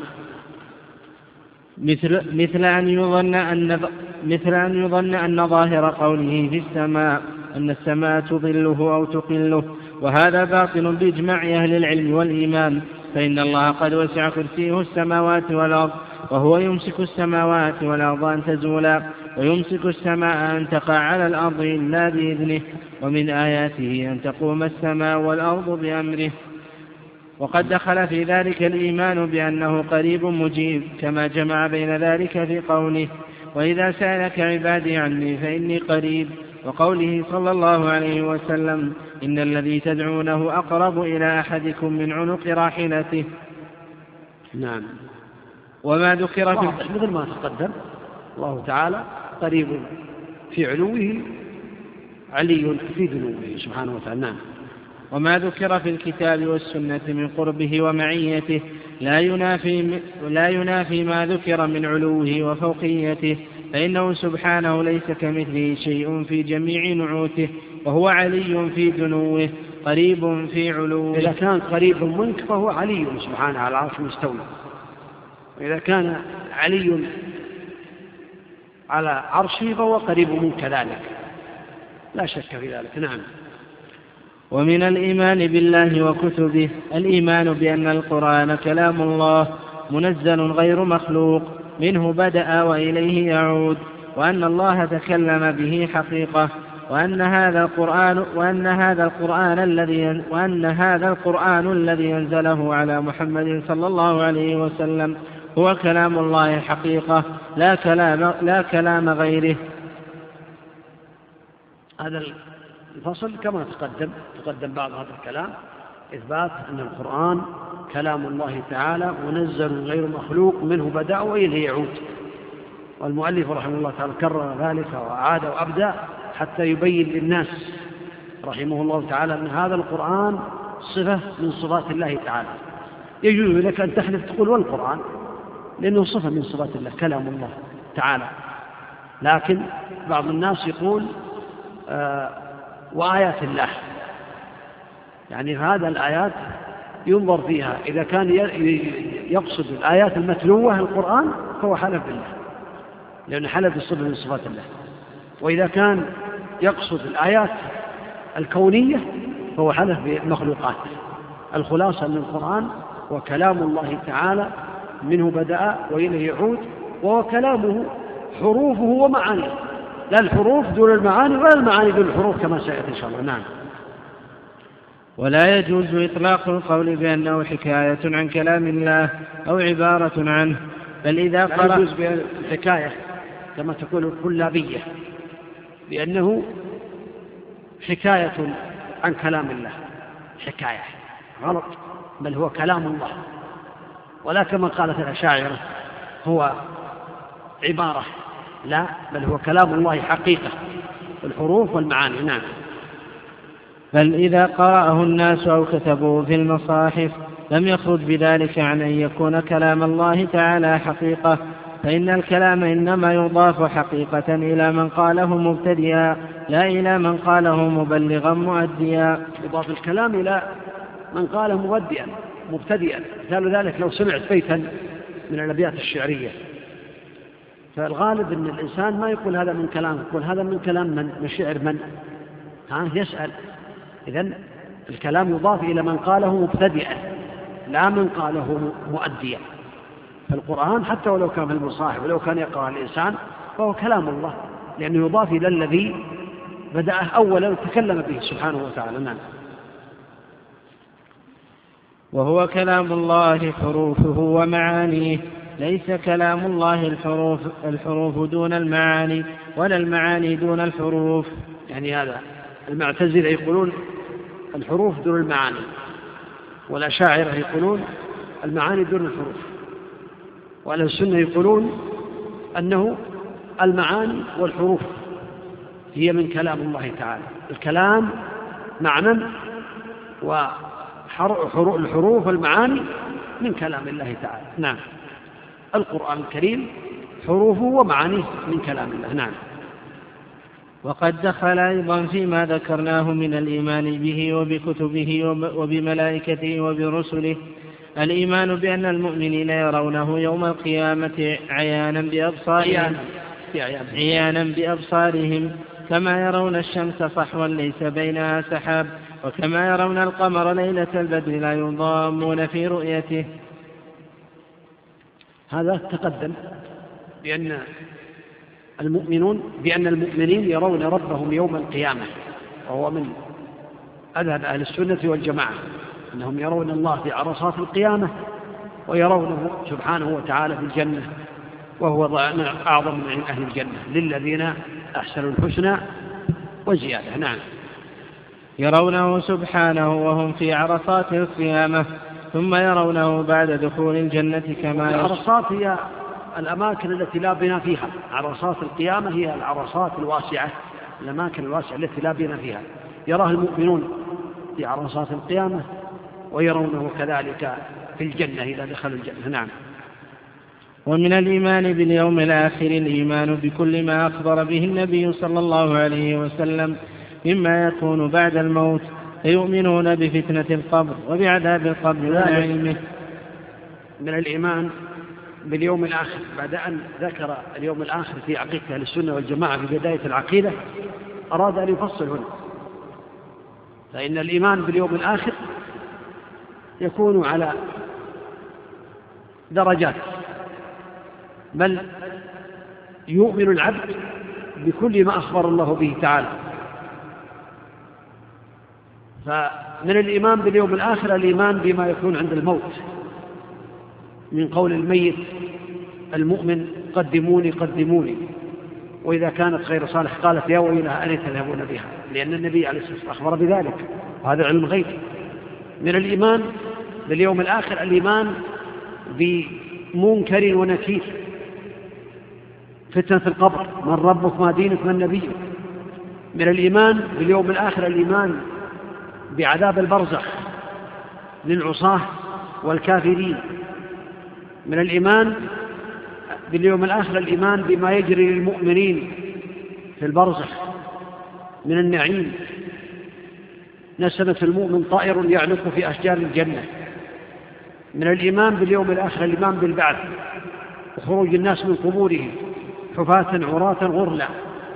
من الإيمان باليوم الآخر الإيمان بأن الناس يقفون في يوم القيامة يعرقون منهم من يعرق إلى كعبيه ومنهم من يعرق إلى ركبتيه ومنهم من يعرق إلى حقويه ومنهم من يعرق إلى ترقوتيه ومنهم من يلجمه العرق الجامع من الإيمان باليوم الآخر الإيمان بالحوض المورود أنه ماءه أحلى من اللبن أحلى من العسل وأبيض من اللبن وريحه أطيب من ريح المسك كيزانه كعدد نجوم السماء.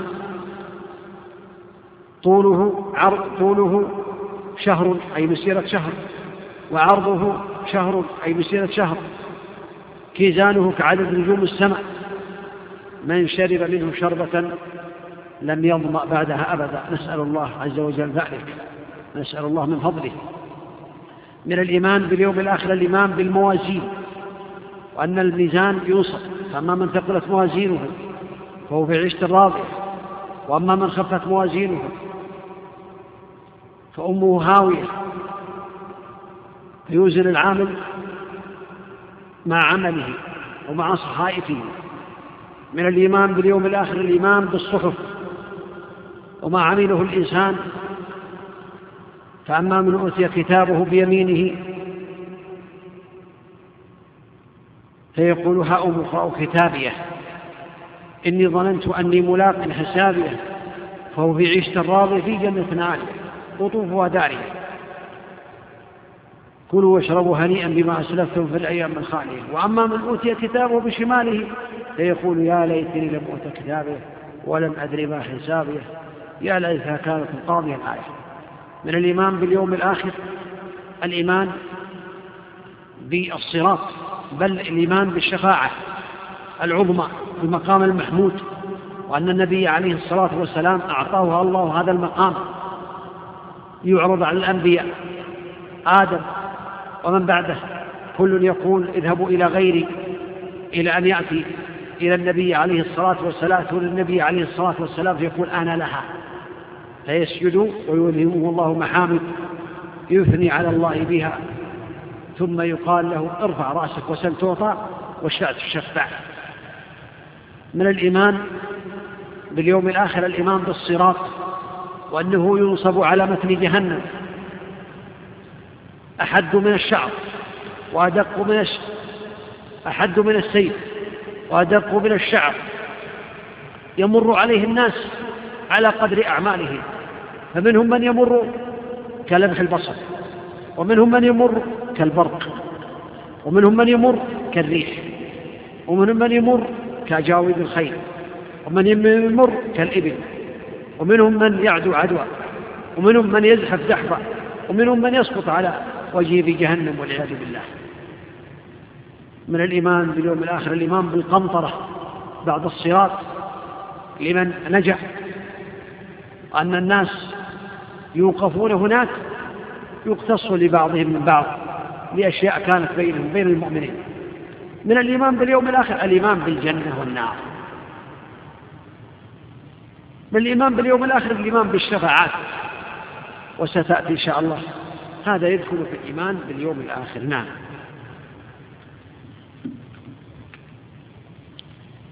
فأما الفتنة فإن الناس يمتحنون في قبورهم فيقال للرجل من ربك وما دينك ومن نبيك فيثبت الله الذين آمنوا بالقول الثابت في الحياة الدنيا وفي الآخرة فيقول المؤمن ربي الله ودي والإسلام ديني ومحمد صلى الله عليه وسلم نبيي. هذه فتنة القبر الذي كان فيه يستعيذ النبي عليه الصلاة والسلام منها في كل صلاة. نعم.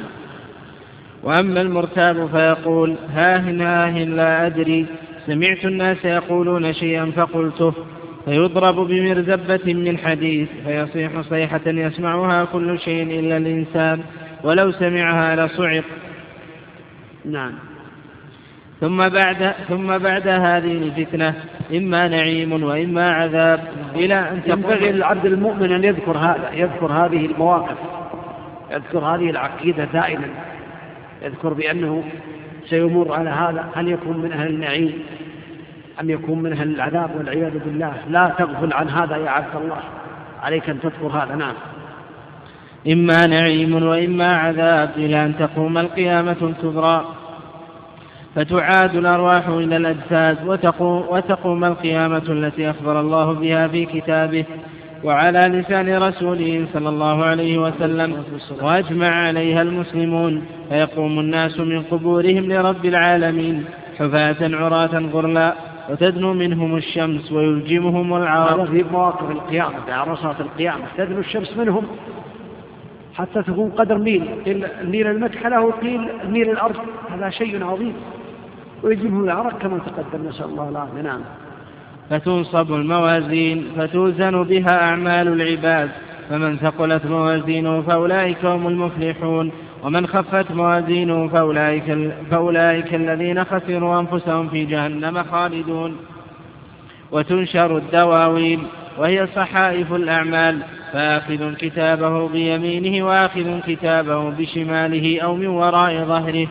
كما قال سبحانه وتعالى وكل إنسان ألزمناه طائره في عنقه ونخرج له يوم القيامة كتابا يلقاه منشورا. اقرأ كتابك كفى بنفسك اليوم عليك حسيبا.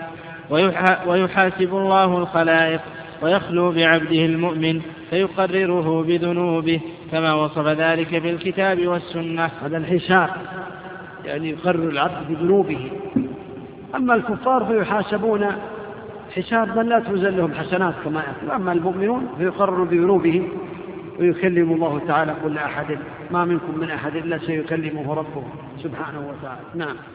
وأما الكفار فلا يحاسبون محاسبة من توزن حسناته وسيئاته فإنه لا حسنات لهم ولكن تعد أعمالهم الكفار لا حسنات لهم وإنما يقال يوقفون عليها حتى يعلموا بأن الله لم يظلمهم سبحانه وتعالى وإنما لهم حسنات. نعم. فيوقفون عليها ويقرر ويقررون فيها وفي عرصات القيامة الحوض وفي عرصات القيامة الحوض المورود للنبي صلى الله عليه وسلم. ماؤه أشد بياضا من اللبن وأحلى من العسل. آنيته عدد, عدد نجوم السماء. طوله شهر وعرضه شهر. ويشرب منه شربة لا يظمأ بعدها أبدا. نعم. والصراط المنصوب على متن جهنم وهو الجسر الذي بين, بين الجنة والنار. يمر الناس على قدر أعمالهم. اسمع المرور على قدر الأعمال كما سمعت.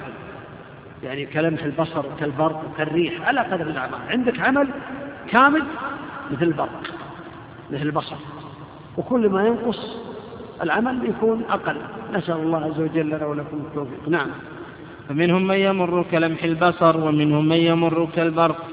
ومنهم من يمر كالريح ومنهم من يمر كالفرس الجواد ومنهم من يمر كركاب الإبل ومنهم من يعدو عدوا ومنهم من يمشي مشيا ومنهم من يزحف زحفا. ومنهم أعماله قليلة يعني أعماله قليلة. يزحف زحفا. لأن هناك ليس هناك نور لا شمس ولا قمر ولا نجوم. ما هناك إلا نور الإيمان. عنده نور للإيمان سرعة في العمل. يمر.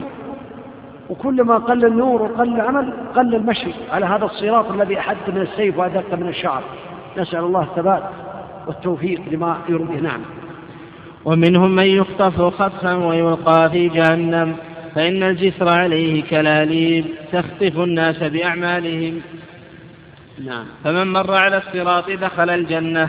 يعني من تجاوز الصراط دخل الجنة حتى وإن أوقفوا على القنطرة بعد الصراط. من تجاوز الصراط دخل الجنة. نعم. فمن مر على الصراط دخل الجنة فإذا عبروا عليه وقفوا على قنطرة بين الجنة والنار فيقتص لبعضهم من بعض. يعني بين المؤمنين بعض الأشياء تجاوزوا الصراط لكن هناك بينهم أشياء يطهرها الله تعالى يصل بعضهم من بعض وإما بالعفو سبحانه وتعالى وإما بتطيب نفوسهم الله تعالى أعلم. نعم. فإذا هذبوا ونقوا أذن لهم في دخول الجنة. يقتصوا لبعضهم من بعض هذا يدل على أن هناك يعني قصاص. نعم. ولا ليس هناك قصاص يعني قتل ولا شيء وإنما هناك الحسنات. نعم. فإذا هذبوا ونقوا أذن لهم في دخول الجنة وأول من يستفتح وأول, وأول من يستفتح باب الجنة محمد صلى الله عليه وسلم وأول من يدخل الجنة من الأمم أمته. أول من يدخل الجنة محمد عليه الصلاة والسلام. أول من يستفتح باب الجنة. وأول من يدخل الجنة أمة محمد عليه الصلاة والسلام. نعم. وله صلى الله عليه وسلم في القيامة ثلاث شفاعات. أما الشفاعة الأولى فيشفع في أهل الموقف حتى يقضى بينهم بعد أن يتراجع الأنبياء آدم ونوح وإبراهيم وموسى وعيسى بن مريم عن الشفاعة حتى تنتهي إليه. أما الشفاعة هذه هذه هذا المقام المحمود. وابعثه مقام محمود الذي وعدته. يحمد عليه. هذه الشفاعة وهي خاصة به عليه الصلاة والسلام. نعم. أما الشفاعة الثانية فيشفع في أهل الجنة أن يدخلوا الجنة. وهاتان الشفاعتان خاصتان له. هذه الشفاعتان خاصة به. ما أحد يشارك فيها. عليه الصلاة والسلام. فالذي يختص به من الشفاعة ثلاث شفاعات الشفاعة الأولى المقام المحمود. والشفاعة الثانية دخول الجنة. والشفاعة الثالثة التخفيف العذاب عن أمها أبي طالب. بين النبي عليه الصلاة والسلام أنه لولاه لكان في دركات ولكنه في ضحضاح من النار يغلي منه دماغه أو كما قال النبي عليه الصلاة والسلام. هذه الشفاعات خاصة بالنبي عليه الصلاة والسلام. أما سائر الشفاعات فيستري الشرك معه الأنبياء والملائكة والمؤمنون والأفراد وغير ذلك. نعم. وأما الشفاعة الثالثة فيشفع في من استحق النار فيشفع في من استحق النار. وهذه الشفاعة له ولسائر النبيين والصديقين وغيرهم. يشفع في من استحق النار أي أن لا يدخلها. ويشفع في من دخل في النار أن يخرج منها. وهذه شفاعة له ولغيره. وفي نوع آخر رابع خامس من الشفاعات يشفع في رفع درجات أهل الجنة. هذه من أنواع الشفاعة. نعم. فيشفع في من استحق النار أن لا يدخلها ويشفع في من دخلها أن يخرج منها. نعم. ويخرج الله من النار أقواما بغير شفاعة بل بفضله ورحمته. يعني يشفع النبي عليه الصلاة والسلام أربع شفاعات ومن معه يشفع في من دخل النار أن يخرجها في من كان في قلبه أدنى مثقال ذرة من إيمان. ثم في من كان في قلبه أدنى أدنى مثقال ذرة من إيمان. إلى أن يشفع أو يشفع في من قال لا إله إلا الله ثم بعد ذلك يقول الله تعالى شفع النبيون شفع الملائكة شفع المؤمنون أو كما ثبت عن النبي عليه الصلاة والسلام ولم يبقى إلا رحمة أرحم الراحمين فيقبض قبضة من النار ويخرجهم منها. برحمته سبحانه وتعالى. نعم. ويبقى في الجنة فضل عمن دخلها من أهل الدنيا فينشئ الله لها أقواما فيدخلهم الجنة. وأصناف تقدم أنه من فضله ألا يعذب من لم يعمل عملا ينافي طاعته. فيبقى فضل في الجنة فينشئ الله تعالى خلقا لم يعملوا خيرا يدخلهم الجنة. من يحجر على الله؟ فضل الله واسع. والنار يبقى فيها فضل يعني يبقى فيها أماكن. فحينئذ وهو قد وعد, وعد كل واحدة بملئها يضع رب العزة كما تقدم قدمه فيها فينزوي بعضها إلى بعض. تقول قط قط قط قط يعني حسبي حسبي نعم. وأصناف ما تضمنته الدار الآخرة من الحساب والثواب والعقاب والجنة والنار. وتفاصيل ذلك مذكورة, مذكورة في الكتب المنزلة من السماء والآثار من العلم المأثور عن الأنبياء وفي العلم الموروث عن محمد صلى الله عليه وسلم. من ذلك ما يشفي ويكفي. فمن ابتغاه وجده. الله المستعان ينبغي المؤمن أن لا يغفل عن هذه الأشياء. ينبغي له أن يقرأ هذه العقيدة ويدرس هذه العقيدة. حتى يستفيد وحتى يكون قلبه معلقا بالله تعالى نعم. وتؤمن الفرقة الناجية من أهل السنة والجماعة بالقدر خيره وشره. والإيمان بالقدر على درجتين كل درجة تتضمن. يعني أهل السنة والجماعة بعد أن فصل هذا تفصيل كما تقدم. ذكر أن من عقيدة الفرقة الناجية المنصورة الإيمان بقدر خيره وشره من الله تعالى. والإيمان بالقدر أي الإيمان بما قدره الله تعالى في الأزل. وهذا الإيمان بالقدر يكون على أربع مراتب. المرتبة الأولى العلم الإيمان بعلمه الأزلي أنه علم ما كان وما يكون وما لم يكن لو كان كيف كان. المرتبة الثانية الكتابة. وكل شيء أحصيناه في إمام مبين. قول النبي عليه الصلاة والسلام أول ما خلق الله القلم قال له اكتب. قال ما أكتب؟ قال اكتب مقادير كل شيء إلى أن تقوم الساعة. أو قال خلق الله القلم قبل أن يخلق السماوات والأرض بخمسين ألف سنة. فقال له اكتب. قال ما أكتب؟ قال اكتب مقادير كل شيء إلى قيام الساعة. وشاء الله تعالى هذه الدرجة المرتبة الثالثة مشيئة النافذة التي ترافد ترادف الإرادة الكونية. وما تشاءون إلا أن يشاء الله رب العالمين. المرتبة الرابعة الخلق والإيجاد. الله خالق كل شيء وهو بكل شيء عليم. نعم. هذه المراتب يجب على العبد المؤمن أن يؤمن بها. نعم. فالدرجة الأولى الإيمان بأن الله تعالى عليم بالخلق وهم عاملون بعلمه القديم الذي هو موصوف به أزلا وأبدا. وعلم جميع أحوالهم من الطاعات والمعاصي والأرزاق والآجال. ثم كتب الله في اللوح المحفوظ مقادير الخلق. فأول ما خلق الله القلم قال له اكتب قال ما أكتب قال اكتب ما هو كائن إلى يوم القيامة. الله أكبر نعم. فما أصاب الإنسان لم يكن ليخطئه وما أخطأه لم يكن ليصيبه. جفت الأقلام وطويت الصحف. كما قال تعالى ألم تعلم أن الله يعلم ما في السماء والأرض؟ إن ذلك في كتاب إن ذلك على الله يسير. وقال ما أصاب من مصيبة في الأرض ولا في أنفسكم إلا في كتاب من قبل أن نبرأها.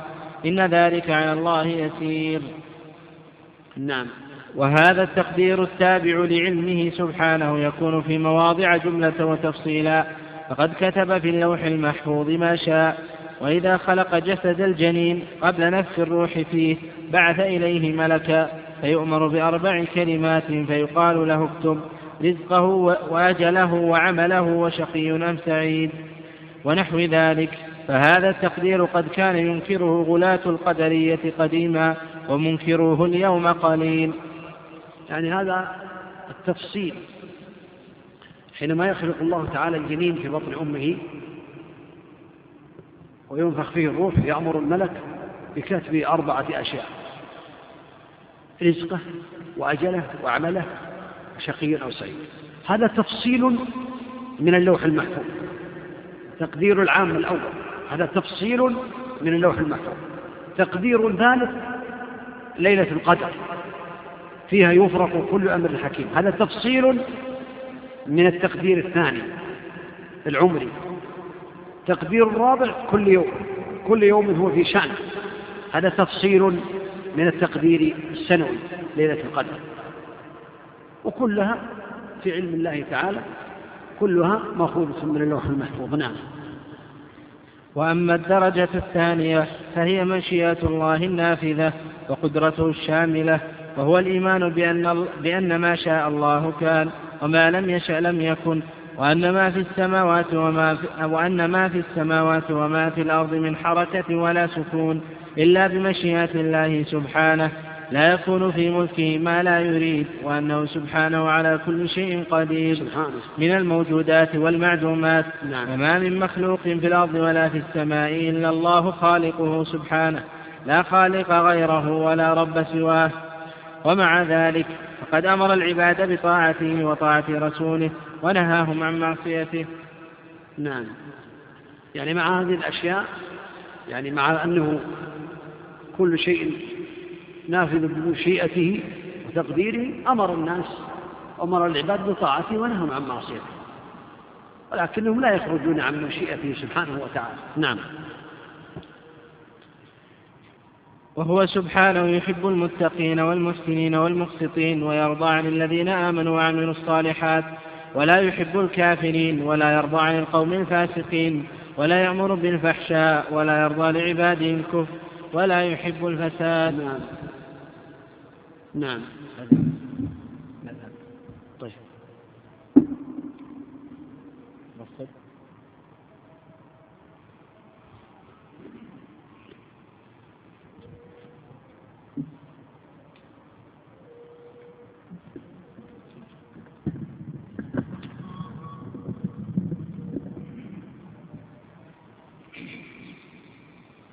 الله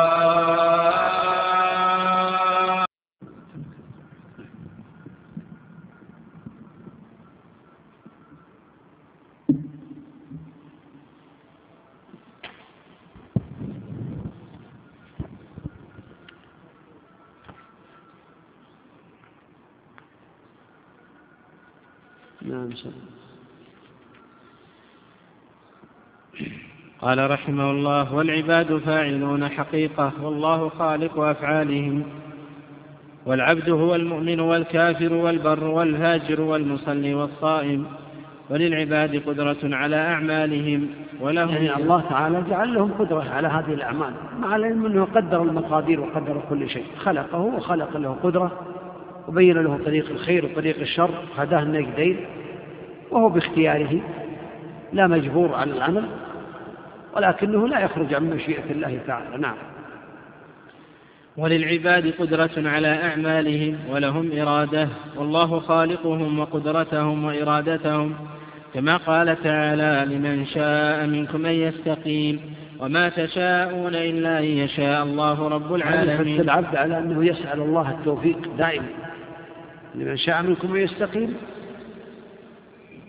وما تشاءون إلا إن شاء الله رب العالمين. هذه حتى على الدعاء. وعلى اللجوء إلى الله تعالى أن يثبته وأن يوفقه وأن يسدده وأن يهديه. نعم. وهذه الدرجة من القدر يكذب بها عامة القدرية الذين سماهم النبي صلى الله عليه وسلم مجوس هذه الأمة. ويغلو فيها قوم من أهل الإثبات حتى سلبوا العبد قدرته واختياره ويخرجون عن أفعال الله وأحكامه حكمها ومصالحها. كما تقدم هذا عن الجبرية نعم. ومن أصول أهل السنة والجماعة أن الدين والإيمان قول وعمل قول القلب واللسان وعمل القلب واللسان والجوارح. الدين قول وعمل قول القلب وهو إيقانه وتصديقه. يعني وكذلك قول اللسان قول القلب واللسان وعمل القلب. عمل القلب له عمل. كالإيقان. يوقن. ويصدق. نعم. واللسان ينطق. والجوارح تعمل. نعم. وأن الإيمان يزيد بالطاعة وينقص بالمعصية. نعم. وهم مع ذلك لا يكفرون أهل القبلة بمطلق المعاصي والكبائر كما يفعله الخوارج. بل الأخوة الإيمانية ثابتة, ثابتة مع المعاصي. يعني ما يعني مؤمن بإيمانه فاسق بكبيرته أو مؤمن ناقص الإيمان. أهل السنة والجماعة نعم. كما قال سبحانه فمن عفي له من أخيه شيء فاتباع بالمعروف. يعني أخيه شيء هذا القاتل. من عفي إليه تسماه أخيه في الإسلام. وهو قاتل يدل على أنه لم يخرج من الإسلام وإنما هو لا يزال مسلما نعم. وإن كان ناقص الإيمان نعم. وقال وإن طائفتان من المؤمنين اقتتلوا فأصلحوا بينهما فإن بغت إحداهما على الأخرى فقاتلوا التي تبغي حتى تفيء إلى أمر الله. فإن فات فأصلحوا بينهما بالعدل وأقسطوا إن الله يحب المقسطين. إنما المؤمنون إخوة فأصلحوا بين أخويكم. حتى ولو كانوا يتقاتلون أو لو كانت تتقاتلان لا يقال بأنهم الكفار قتال. ومع ذلك قال إن وإن طائفتان من المؤمنين اقتتلوا فاصلحوا بينهم. يعني ما خرجهم من الإيمان لكنهم في الحقيقة ناقص الإيمان قليل الإيمان. أو فاسقون بقتالهم فاسقون بقتالهم مؤمنون بإيمانهم. نعم. ولا يسلبون الفاسق الملي الإسلام بالكلية ولا يخلدونه في النار كما تقول المعتزلة. بل الفاسق هو الذي فسق كما فسقت النواة من التمرة يعني عن المعصية يعني فسق عصى كبيرة من كبائر الذنوب. ما يسلمونها مسمى الإيمان ولكنه مؤمن بإيمانه فاسق بكبيرة نعم ولا يخلد في النار إذا مات. إنما هو تحت مشيئة الله. إن شاء الله غفر له إن شاء عذبه وطهره ويخرجه من النار بعد ذلك. نعم. بل الفاسق يدخل في اسم الإيمان كما في قوله فتحرير رقبة مؤمنة وقد لا يدخل في اسم الإيمان المطلق كما في قوله تعالى إنما المؤمنون الذين إذا ذكر الله وجلت قلوبهم وإذا تليت عليهم آياته زادتهم إيمانا وقوله صلى الله عليه وسلم لا يزني الزاني حين يزني وهو مؤمن ولا يشرب الخمر حين يشربها وهو ولا يشرب الخمر حين يشرب وهو مؤمن ولا يسرق السارق حين يسرق وهو مؤمن ولا ينتهب نهبة يرفع الناس إليه فيها أبصارهم وهو مؤمن. يعني يكون ناقص الإيمان يكون ناقص الإيمان ليس معناه أنه يكون كافر يناقص الإيمان. كقوله عليه الصلاة والسلام لا يؤمن أحدكم حتى يحب لأخيه ما يحب نفسه نعم. ونقول هو مؤمن ناقص الإيمان أو مؤمن بإيمانه فاسق بكبيرته فلا يعطى الاسم المطلق ولا يسلب مطلق الاسم يعني لا يعطى الاسم المطلق بأنه كامل الإيمان ولا يسلب مطلق الاسم يعني ما يسلب الإيمان وإنما يقول مؤمن بإيمانه فاسق بكبيرته أو مؤمن ناقص الإيمان. نعم. ومن أصول أهل السنة والجماعة سلامة قلوبهم وألسنتهم لأصحاب رسول الله صلى الله عليه وسلم كما وصفهم الله به في قوله تعالى مذهب أهل السنة والجماعة. من عقيدتهم سلامة قلوبهم لأصحاب النبي عليه الصلاة والسلام وترضيهم عن أصحاب النبي عليه الصلاة والسلام والإعراض عما دار بين الصحابة رضي الله عنهم ويعلمون بأن ما حصل منهم فإنما يرجون به وجه الله فهم بين فريقين مجتهد مصيب له أجران ومجتهد مخطي له أجر واحد نعم. كما وصفهم الله به في قوله تعالى والذين جاءوا من بعدهم يقولون ربنا اغفر لنا ولإخواننا الذين سبقونا بالإيمان ولا تجعل في قلوبنا غلا للذين آمنوا ربنا إنك رؤوف رحيم.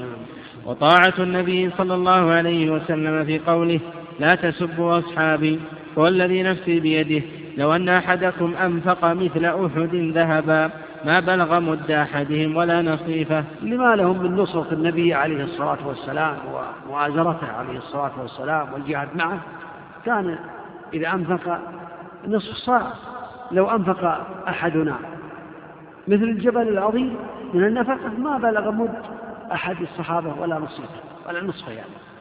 لما لأن الله تقبل منهم سبحانه وتعالى وضاعف لهم الأعمال لنصرتهم النبي عليه الصلاة والسلام وجهاد معه رضي الله عنهم وأرضاهم. نعم. ويقبلون ما جاء به الكتاب والسنة والإجماع من فضائلهم ومراتبهم ويفضلون من أنفق من قبل الفتح.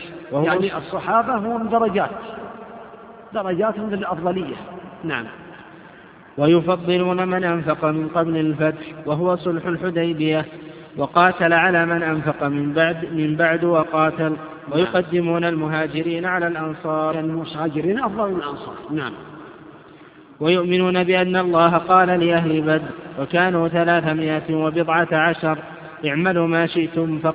اعملوا ما شئتم فقد غفرت لكم. وقد قال النبي عليه الصلاة والسلام لا يدخل الجنة لا يدخل النار أحد دخل بايع تحت الشجرة. هذه شهادة وكانوا ما يقارب 1400 هذه شهادة لهم رضي الله عنهم وأرضاهم. نعم. وبأنه لا يدخل النار أحد بايع تحت الشجرة كما أخبر به النبي صلى الله عليه وسلم بل لقد رضي الله عنهم ورضوا عنه وكانوا أكثر من ألف وأربعمائة. رضي الله عنهم وأرضاهم. نعم. ويشهدون بالجنة لمن شهد له رسول الله صلى الله عليه وسلم كالعشرة وثابت بن قيس بن شماس وغيرهم من الصحابة. يعني نشهد لمن شهد له النبي عليه الصلاة والسلام بالجنة. ومن لم يشهد له بالجنة؟ نقول بأنه على خير عظيم ومن أصحاب النبي عليه الصلاة والسلام. ومنهم 1400 بايعوا تحت الشجرة لا يدخل النار ومنهم العشر المبشرون بالجنة ومنهم ثابت بن قيس بن شماس وغيرهم من الصحابة رضي الله عنهم وأرضاهم. اجمع ذلك قوله رضي الله عنه ورضوا عنه. نعم. وبأنه لا يدخل النار أحد بايع تحت الشجرة كما أخبر به النبي صلى الله عليه وسلم. بل لقد رضي الله عنهم ورضوا عنه وكانوا أكثر من ألف وأربعمائة ويشهدون بالجنة لمن شهد له رسول الله صلى الله عليه وسلم كالعشرة وثابت بن قيس بن شماس وغيرهم من الصحابة ويقرون بما تواتر به النقل عن أمير المؤمنين علي بن أبي طالب رضي الله عنه وغيره أن خير هذه الأمة بعد نبيها أبو بكر ثم عمر ويثلثون بعثمان ويربعون بعلي رضي الله عنهم كما دلت عليه الآثار. أهل السنة يؤمنون بهذا الترتيب. أفضلية الصحابة. أفضل الناس بعد الأنبياء. أبو بكر. بعد الأنبياء. كلهم. أبو بكر رضي الله عنه. ثم عمر. ثم علي. ثم عثمان آه، ثم عثمان ثم علي. أبو بكر ثم عمر ثم عثمان ثم علي رضي الله عنه. هكذا عند أهل السنة والجماعة يفضلون على هذا الترتيب. وحق الناس بالخلافة بعد النبي عليه الصلاة والسلام أبو بكر ثم عمر ثم عثمان ثم علي. على ترتيب الخلافة. نعم. كما دلت عليه الآثار وكما أجمع الصحابة على تقديم عثمان في البيعة مع أن بعض أهل السنة كانوا قد اختلفوا في عثمان وعلي رضي الله عنهما بعد بعد اتفاقهم على تقديم أبي بكر وعمر أيهما أفضل. قدم قوم عثمان وسكتوا وربعوا بعلي وقدم قوم عليا وقوم توقفوا لكن استقر أمر أهل السنة على تقديم عثمان ثم علي. يعني كان في خلاف سابق ثم استقر الأمر على أن الترتيب على حسب الخلافة. أفضل الناس أبو بكر ثم عمر ثم عثمان ثم علي رضي الله عنهم جميعا. نعم. وإن كانت هذه المسألة مسألة عثمان وعلي ليست من الأصول التي يضلل المخالف فيها عند جمهور أهل السنة. يعني قال بعض الناس أن علي أن عليا أفضل من عثمان ولكنه ملتزم بجميع أمور الإسلام لترضى عن الصحابة. هذا لا يقال بأنه من الضال الضالين ولكنه خلاف الحق وخلاف الصواب وخلاف ما أجمعت عليه الأمة. نعم. وإن كانت هذه المسألة مسألة عثمان وعلي ليست من الأصول التي يضلل المخالف فيها عند جمهور أهل السنة لكن التي يضلل فيها مسألة الخلافة. وذلك أنهم يؤمنون أن الخليفة بعد رسول الله صلى الله عليه وسلم أبو بكر وعمر ثم عثمان ثم علي. ومن طعن في خلافة أحد من هؤلاء نعم. فهو أضل من حمار أهله. من طعن في خلافة واحد من هؤلاء الأربعة قال بأنها صحيح أو ظلم فهو أضل من حمار أهله. أضل من الحمار. نعم. ويحبون آل بيت رسول الله صلى الله عليه وسلم ويتولونهم ويحفظون في مصية رسول الله صلى الله عليه وسلم حيث قال يوم غدير خم أذكركم الله في أهل بيتي وقال أيضا للعباس عمه وقد اشتكى إليه أن بعض قريش يجفو بني هاشم فقال والذي نفسي بيده لا يؤمنون حتى يحبوكم لله ولقرابتي نعم. وقال إن الله اصطفى بني إسماعيل واصطفى من بني إسماعيل كنانة واصطفى من كنانة قريشا واصطفى من قريش بني هاشم واصطفاني من بني هاشم عليه الصلاة والسلام. نعم. ويتولون أزواج رسول الله صلى الله عليه وسلم أمهات المؤمنين ويؤمنون بأنهن أزواجه في الآخرة خصوصا يعني خديجة أزواج النبي عليه الصلاة والسلام من عقيدة السنة والجماعة ترضي عنهن رضي الله عنهن. أنهن أزواج النبي عليه الصلاة والسلام في الدنيا وأزواجه في الآخرة. رضي الله عنهن نعم. خصوصا خديجة رضي الله عنها أم أكثر أولاده وأول من آمن به وعاضده على أمره وكان لها منه المنزلة العالية والصديقة بنت الصديق رضي الله عنها. التي قال فيها النبي صلى الله عليه وسلم فضل عائشة على النساء كفضل الثريد على سائر الطعام. اللهم صل وسلم على الثريد هو قالوا بأنه المرق مع اللحم والخبز. قالوا هذا الثريد. فضل عائشة على النساء كفضل الثريد على سائر الطعام. نعم. هذا فيه منقبة لها رضي الله عنها ولخديجة كذلك رضي الله عنها. نعم. ولسائر أزواجه رضي الله عنهن. نعم. نعم. لا نكمل ماشي. نعم. ويتبرؤون من طريقة الروافض الذين يبغضون الصحابة ويسبونهم وطريقة النواصب الذين يؤذون أهل البيت بقول أو عمل. تقدم أن الروافض هم الذين يبغضون الصحابة ويسبونهم ويوالون أهل البيت. والنواصب نصبوا العداوة لأهل البيت يعني مقابلة للروافض. أما أهل السنة فلا نعم. يحبون الجميع ويترضون عن الجميع. نعم. ويمسكون عما شجر بين الصحابة ويقولون إن هذه الآثار المروية في مساويهم منها ما هو كذب ومنها ما قد زيد فيه ونقص وغير عن وجهه والصحيح منه هم فيه معذورون إما مجتهدون مصيبون وإما مجتهدون مخطئون. المجتهد المصيب له أجران والمخطئ له أجر واحد كما تقدم. نعم. وهم مع ذلك لا يعتقدون أن كل واحد من الصحابة معصوم عن كبائر الإثم وصغائره بل يجوز عليهم الذنوب في الجملة ولهم من السوابق والفضائل ما يوجب مغفرة ما يصدر منهم إن صدر حتى إنهم يغفر لهم من السيئات ما لا يغفر لمن بعدهم لأن لهم من الحسنات التي تمحو السيئات ما ليس لمن بعدهم. وقد ثبت بقول رسول الله صلى الله عليه وسلم أنهم خير القرون وأن المد من أحدهم إذا تصدق به كان أفضل من جبل أحد ذهبا ممن بعدهم. ثم إذا كان قد صدر من أحدهم ذنب فيكون قد تاب منه أو أتى بحسنات تمحوه أو غفر له بفضل سابقته حتى لو كان بعض الصحابة جاب ذنب في عهده لكن له من الحسنات ما لغيره. ومن الحسنات كالجبال والمجاهدة مع النبي عليه الصلاة والسلام. أو يكون قد تاب من هذا الذنب. نعم. ف... ف... فإذا كان هذا في الذنوب المحققة فكيف الأمور التي كانوا فيها مجتهدين؟ إن أصابوا فلهم أجران وإن أخطأوا فلهم أجر واحد والخطأ مغفور. ثم إن القدر الذي ينكر من فعل بعضهم قليل. نزر مغفور في جنب فضائل القوم ومحاسنهم. من الإيمان بالله ورسوله والجهاد في سبيله والهجرة والنصرة والعلم النافع والعمل الصالح. ومن نظر في سيرة القوم بعلم وبصيرة وما من الله عليه به من الفضائل علم يقينا أنهم خير الخلق بعد الأنبياء. لا كان ولا يكون مثلهم وأنهم الصفوة لا كان, لا كان ولا يكون مثلهم رضي الله عنهم. ينبغي المسلم إذا سمع ذكر الصحابة يقول رضي الله عنهم. لا كان ولا يكون مثلهم. نعم.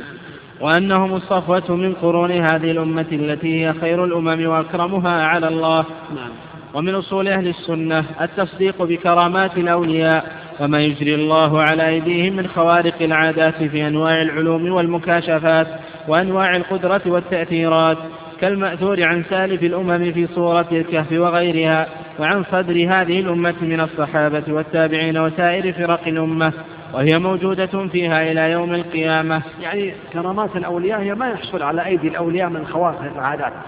كرامات هي ما يحصل من كرامات من خوارق العادات.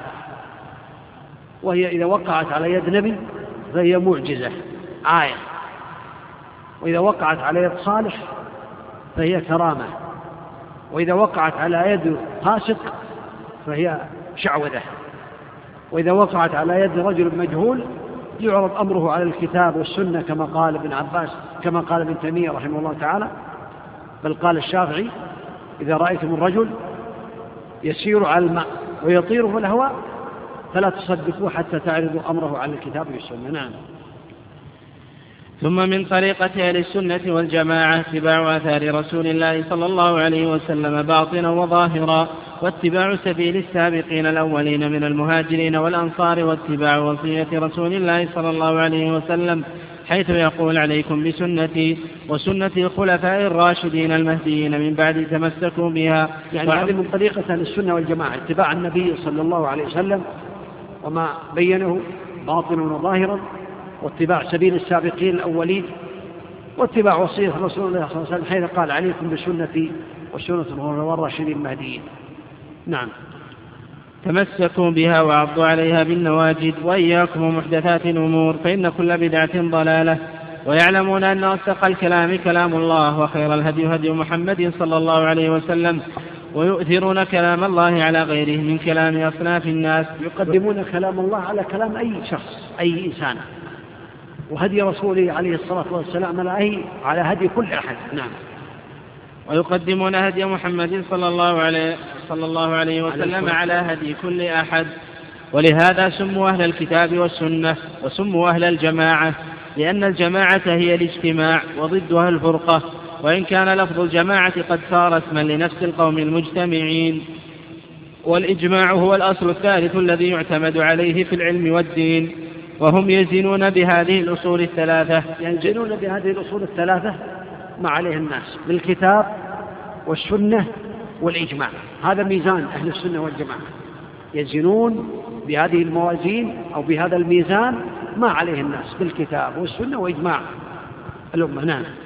وهم يزنون بهذه الأصول الثلاثة جميع ما عليه الناس من أقوال وأعمال باطنة أو ظاهرة مما له تعلق بالدين. والإجماع الذي ينضبط هو ما كان عليه السلف الصالح إذ بعدهم كثر الاختلاف حدد الميزان الثالث وهو إجماع ما كان عليه السلف الصالح. أما بعدهم فحصل الاختلاف والفرقة نعم. إذ بعدهم كثر الاختلاف وانتشر في الأمة ثم, ثم, ثم هم مع هذه الأصول يأمرون بالمعروف وينهون عن المنكر على ما تجيبه الشريعة يعني هذا الاتصال يقال أخلاق أهل السنة والجماعة. يعني من أخلاقهم أنهم يأمرون بالمعروف وينهون عن المنكر ويحافظون على الجماعات. ويدينون بالنصيحة للأمة هكذا ويعتقدون معنى قول المؤمن للمؤمن كالبنيان إلى آخره. هذه من أخلاق أهل السنة والجماعة. نعم. تسمعونها؟ نعم. ويرون إقامة الحج والجهاد والجمع والأعياد مع الأمراء أبرارا كانوا أو فجارا ويحافظون على الجماعات. ويدينون بالنصيحة للأمة ويعتقدون معنى قوله صلى الله عليه وسلم المؤمن للمؤمن كالبنيان المرصوص يشد بعضه بعضا وشب وشبك بين أصابعه. وقوله صلى الله عليه وسلم مثل المؤمنين في توادهم وتراحمهم وتعاطفهم كمثل الجسد إذا اشتكى منه عضو تداعى له سائر الجسد بالحمى والسهر. ويأمرون بالصبر عند البلاء. من أخلاق كما تقدم من أخلاق أهل السنة والجماعة. يأمرون بالصبر على البلاء والشكر عند الرخاء والرضا بمر القضاء. نعم. ويأمرون بالصبر عند البلاء والشكر عند الرخاء والرضا بمر القضاء. ويدعون إلى مكارم الأخلاق ومحاسن الأعمال ويعتقدون معنى قوله صلى الله عليه وسلم أكمل المؤمنين إيمانا أحسنهم خلقا. ويندبون إلى أن تصل من قطعك وتعطي من حرمك يفضلون ويأمرونك لأن هذا مندوب وهذا مسنود وهذا مفضل أن تصل من قطعك وتعطي من حرمك وتعفو عن من ظلمك. هذا من أخلاق أهل السنة والجماعة نعم. وتعفو عن من ظلمك ويأمرون ببر الوالدين وصلة الأرحام وحسن الجوار والإحسان إلى اليتامى والمساكين وابن السبيل والرفق بالمملوك وينهون عن الفخر والخيلاء والبغي والاستطالة يعني على دام هذه أخلاقهم الحسنة فهم ينهون عن الأخلاق السيئة كالفخر والخيلاء والبغي وغيره نعم. والاستطالة على الخلق بحق أو بغير حق ويأمرون بمعالي الأخلاق وينهون عن سفاس عن سفسا سفاسفها نعم. وكل ما يقولونه أو يفعلونه من هذا يعني وغيره. التفاسف الأمر الحقير يعني محاكر الأخلاق والأمور الحقيرة والدنيئة ينهون عن ذلك نعم. وكل ما يقولونه أو يفعلونه من هذا وغيره فإنما هم فيه متبعون للكتاب والسنة وطريقتهم هي دين الإسلام الذي بعث الله به محمدا صلى الله عليه وسلم.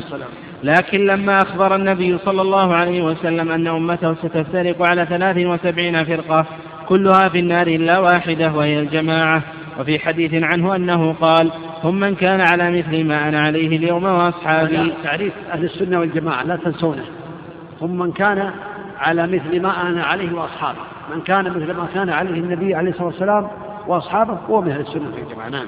صار المتمسكون بالإسلام المحض الخاص عن الشوب هم أهل السنة والجماعة وفيهم الصديقون والشهداء والصالحون ومنهم أعلام الهدى ومصابيح يعني أهل السنة فيهم الصديقون والشهداء والصالحون ومنهم أعلام الهدى العلماء الربانيون ومصابيح الدجى نعم. أولو المناقب المأثورة والفضائل المذكورة وفيهم الأبدال الأبدال هم العلماء الذين يخلف بعضهم بعضا. لا كما يقول الصوفية أنهم الذين يدعون من دون الله تعالى وإنما هو المقصود هو العلماء الذين يخلف بعضهم بعضا. كذلك المجددون لمن درس من معالم الإسلام هؤلاء الأبدال نعم.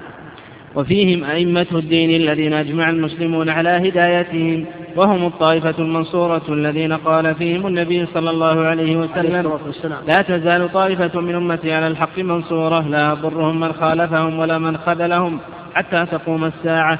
نسأل الله أن يجعلنا منهم وأن لا يزيغ قلوبنا بعد إذ هدانا وأن يهب لنا من لدنه رحمة إنه هو الوهاب. والله أعلم. وصلى الله على محمد وآله وصحبه وسلم تسليما كثيرا. أسأل الله الذي لا إله إلا هو بأسماء الحسنى والصفات العلى أن يجعلني وإياكم من أهل السنة والجماعة الذين قد كانوا على مثل ما كان عليه رسول الله صلى الله عليه وسلم وأصحابه. إنه على كل شيء قدير وبالإجابة جدير وأسأله تعالى أن يتقبل مني منكم وأن يرزقنا وإياكم العلم النافع والعمل الصالح والتوفيق لما يحبه ويرضاه وأن يوفق الجميع لما في طاعته. وأوصي إخواني بالعناية بهذه العقيدة. أسأل الله تعالى التوفيق والتسديد للجميع صلى الله وسلم وبارك على نبينا محمد وعلى آله وأصحابه أجمعين. نعم. الله إليكم يقول السائل كيف نجمع بين حديث معناه أن الأجر في آخر الزمان للمستقيم كأجر خمسين من الصحابة وحديث أن من أنفق مثل أحد ذهبا ما بلغ مد أحد الصحابة ولا نصيبه.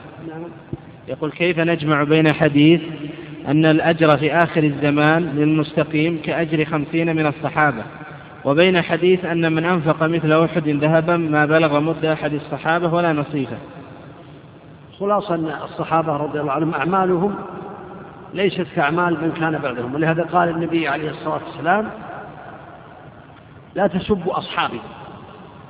فالذي يصب يسب الصحابة وينتقص من الصحابة لو عمل عملا كالجبل فإنه لا يوازي ولا يماثل ما أنفقه الصحابة رضي الله عنهم مد أحدهم ولا نصيبه.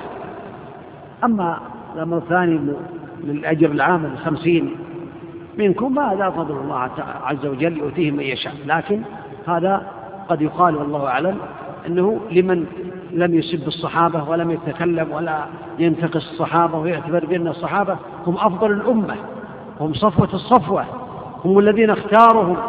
الله تعالى لنصرة نبيه والجهاد معه رضي الله عنهم وأرضاهم.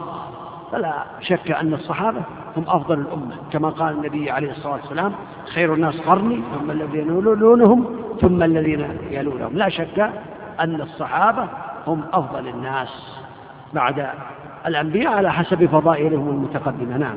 صلى الله إليكم هذا سؤال عن طريق الإنترنت. يقول السائل ما الحكم في الحلف بقول وحياة أبوي؟ هذا حلف بغير الله. من كان حالفا فليحلف بالله أو ليصمت.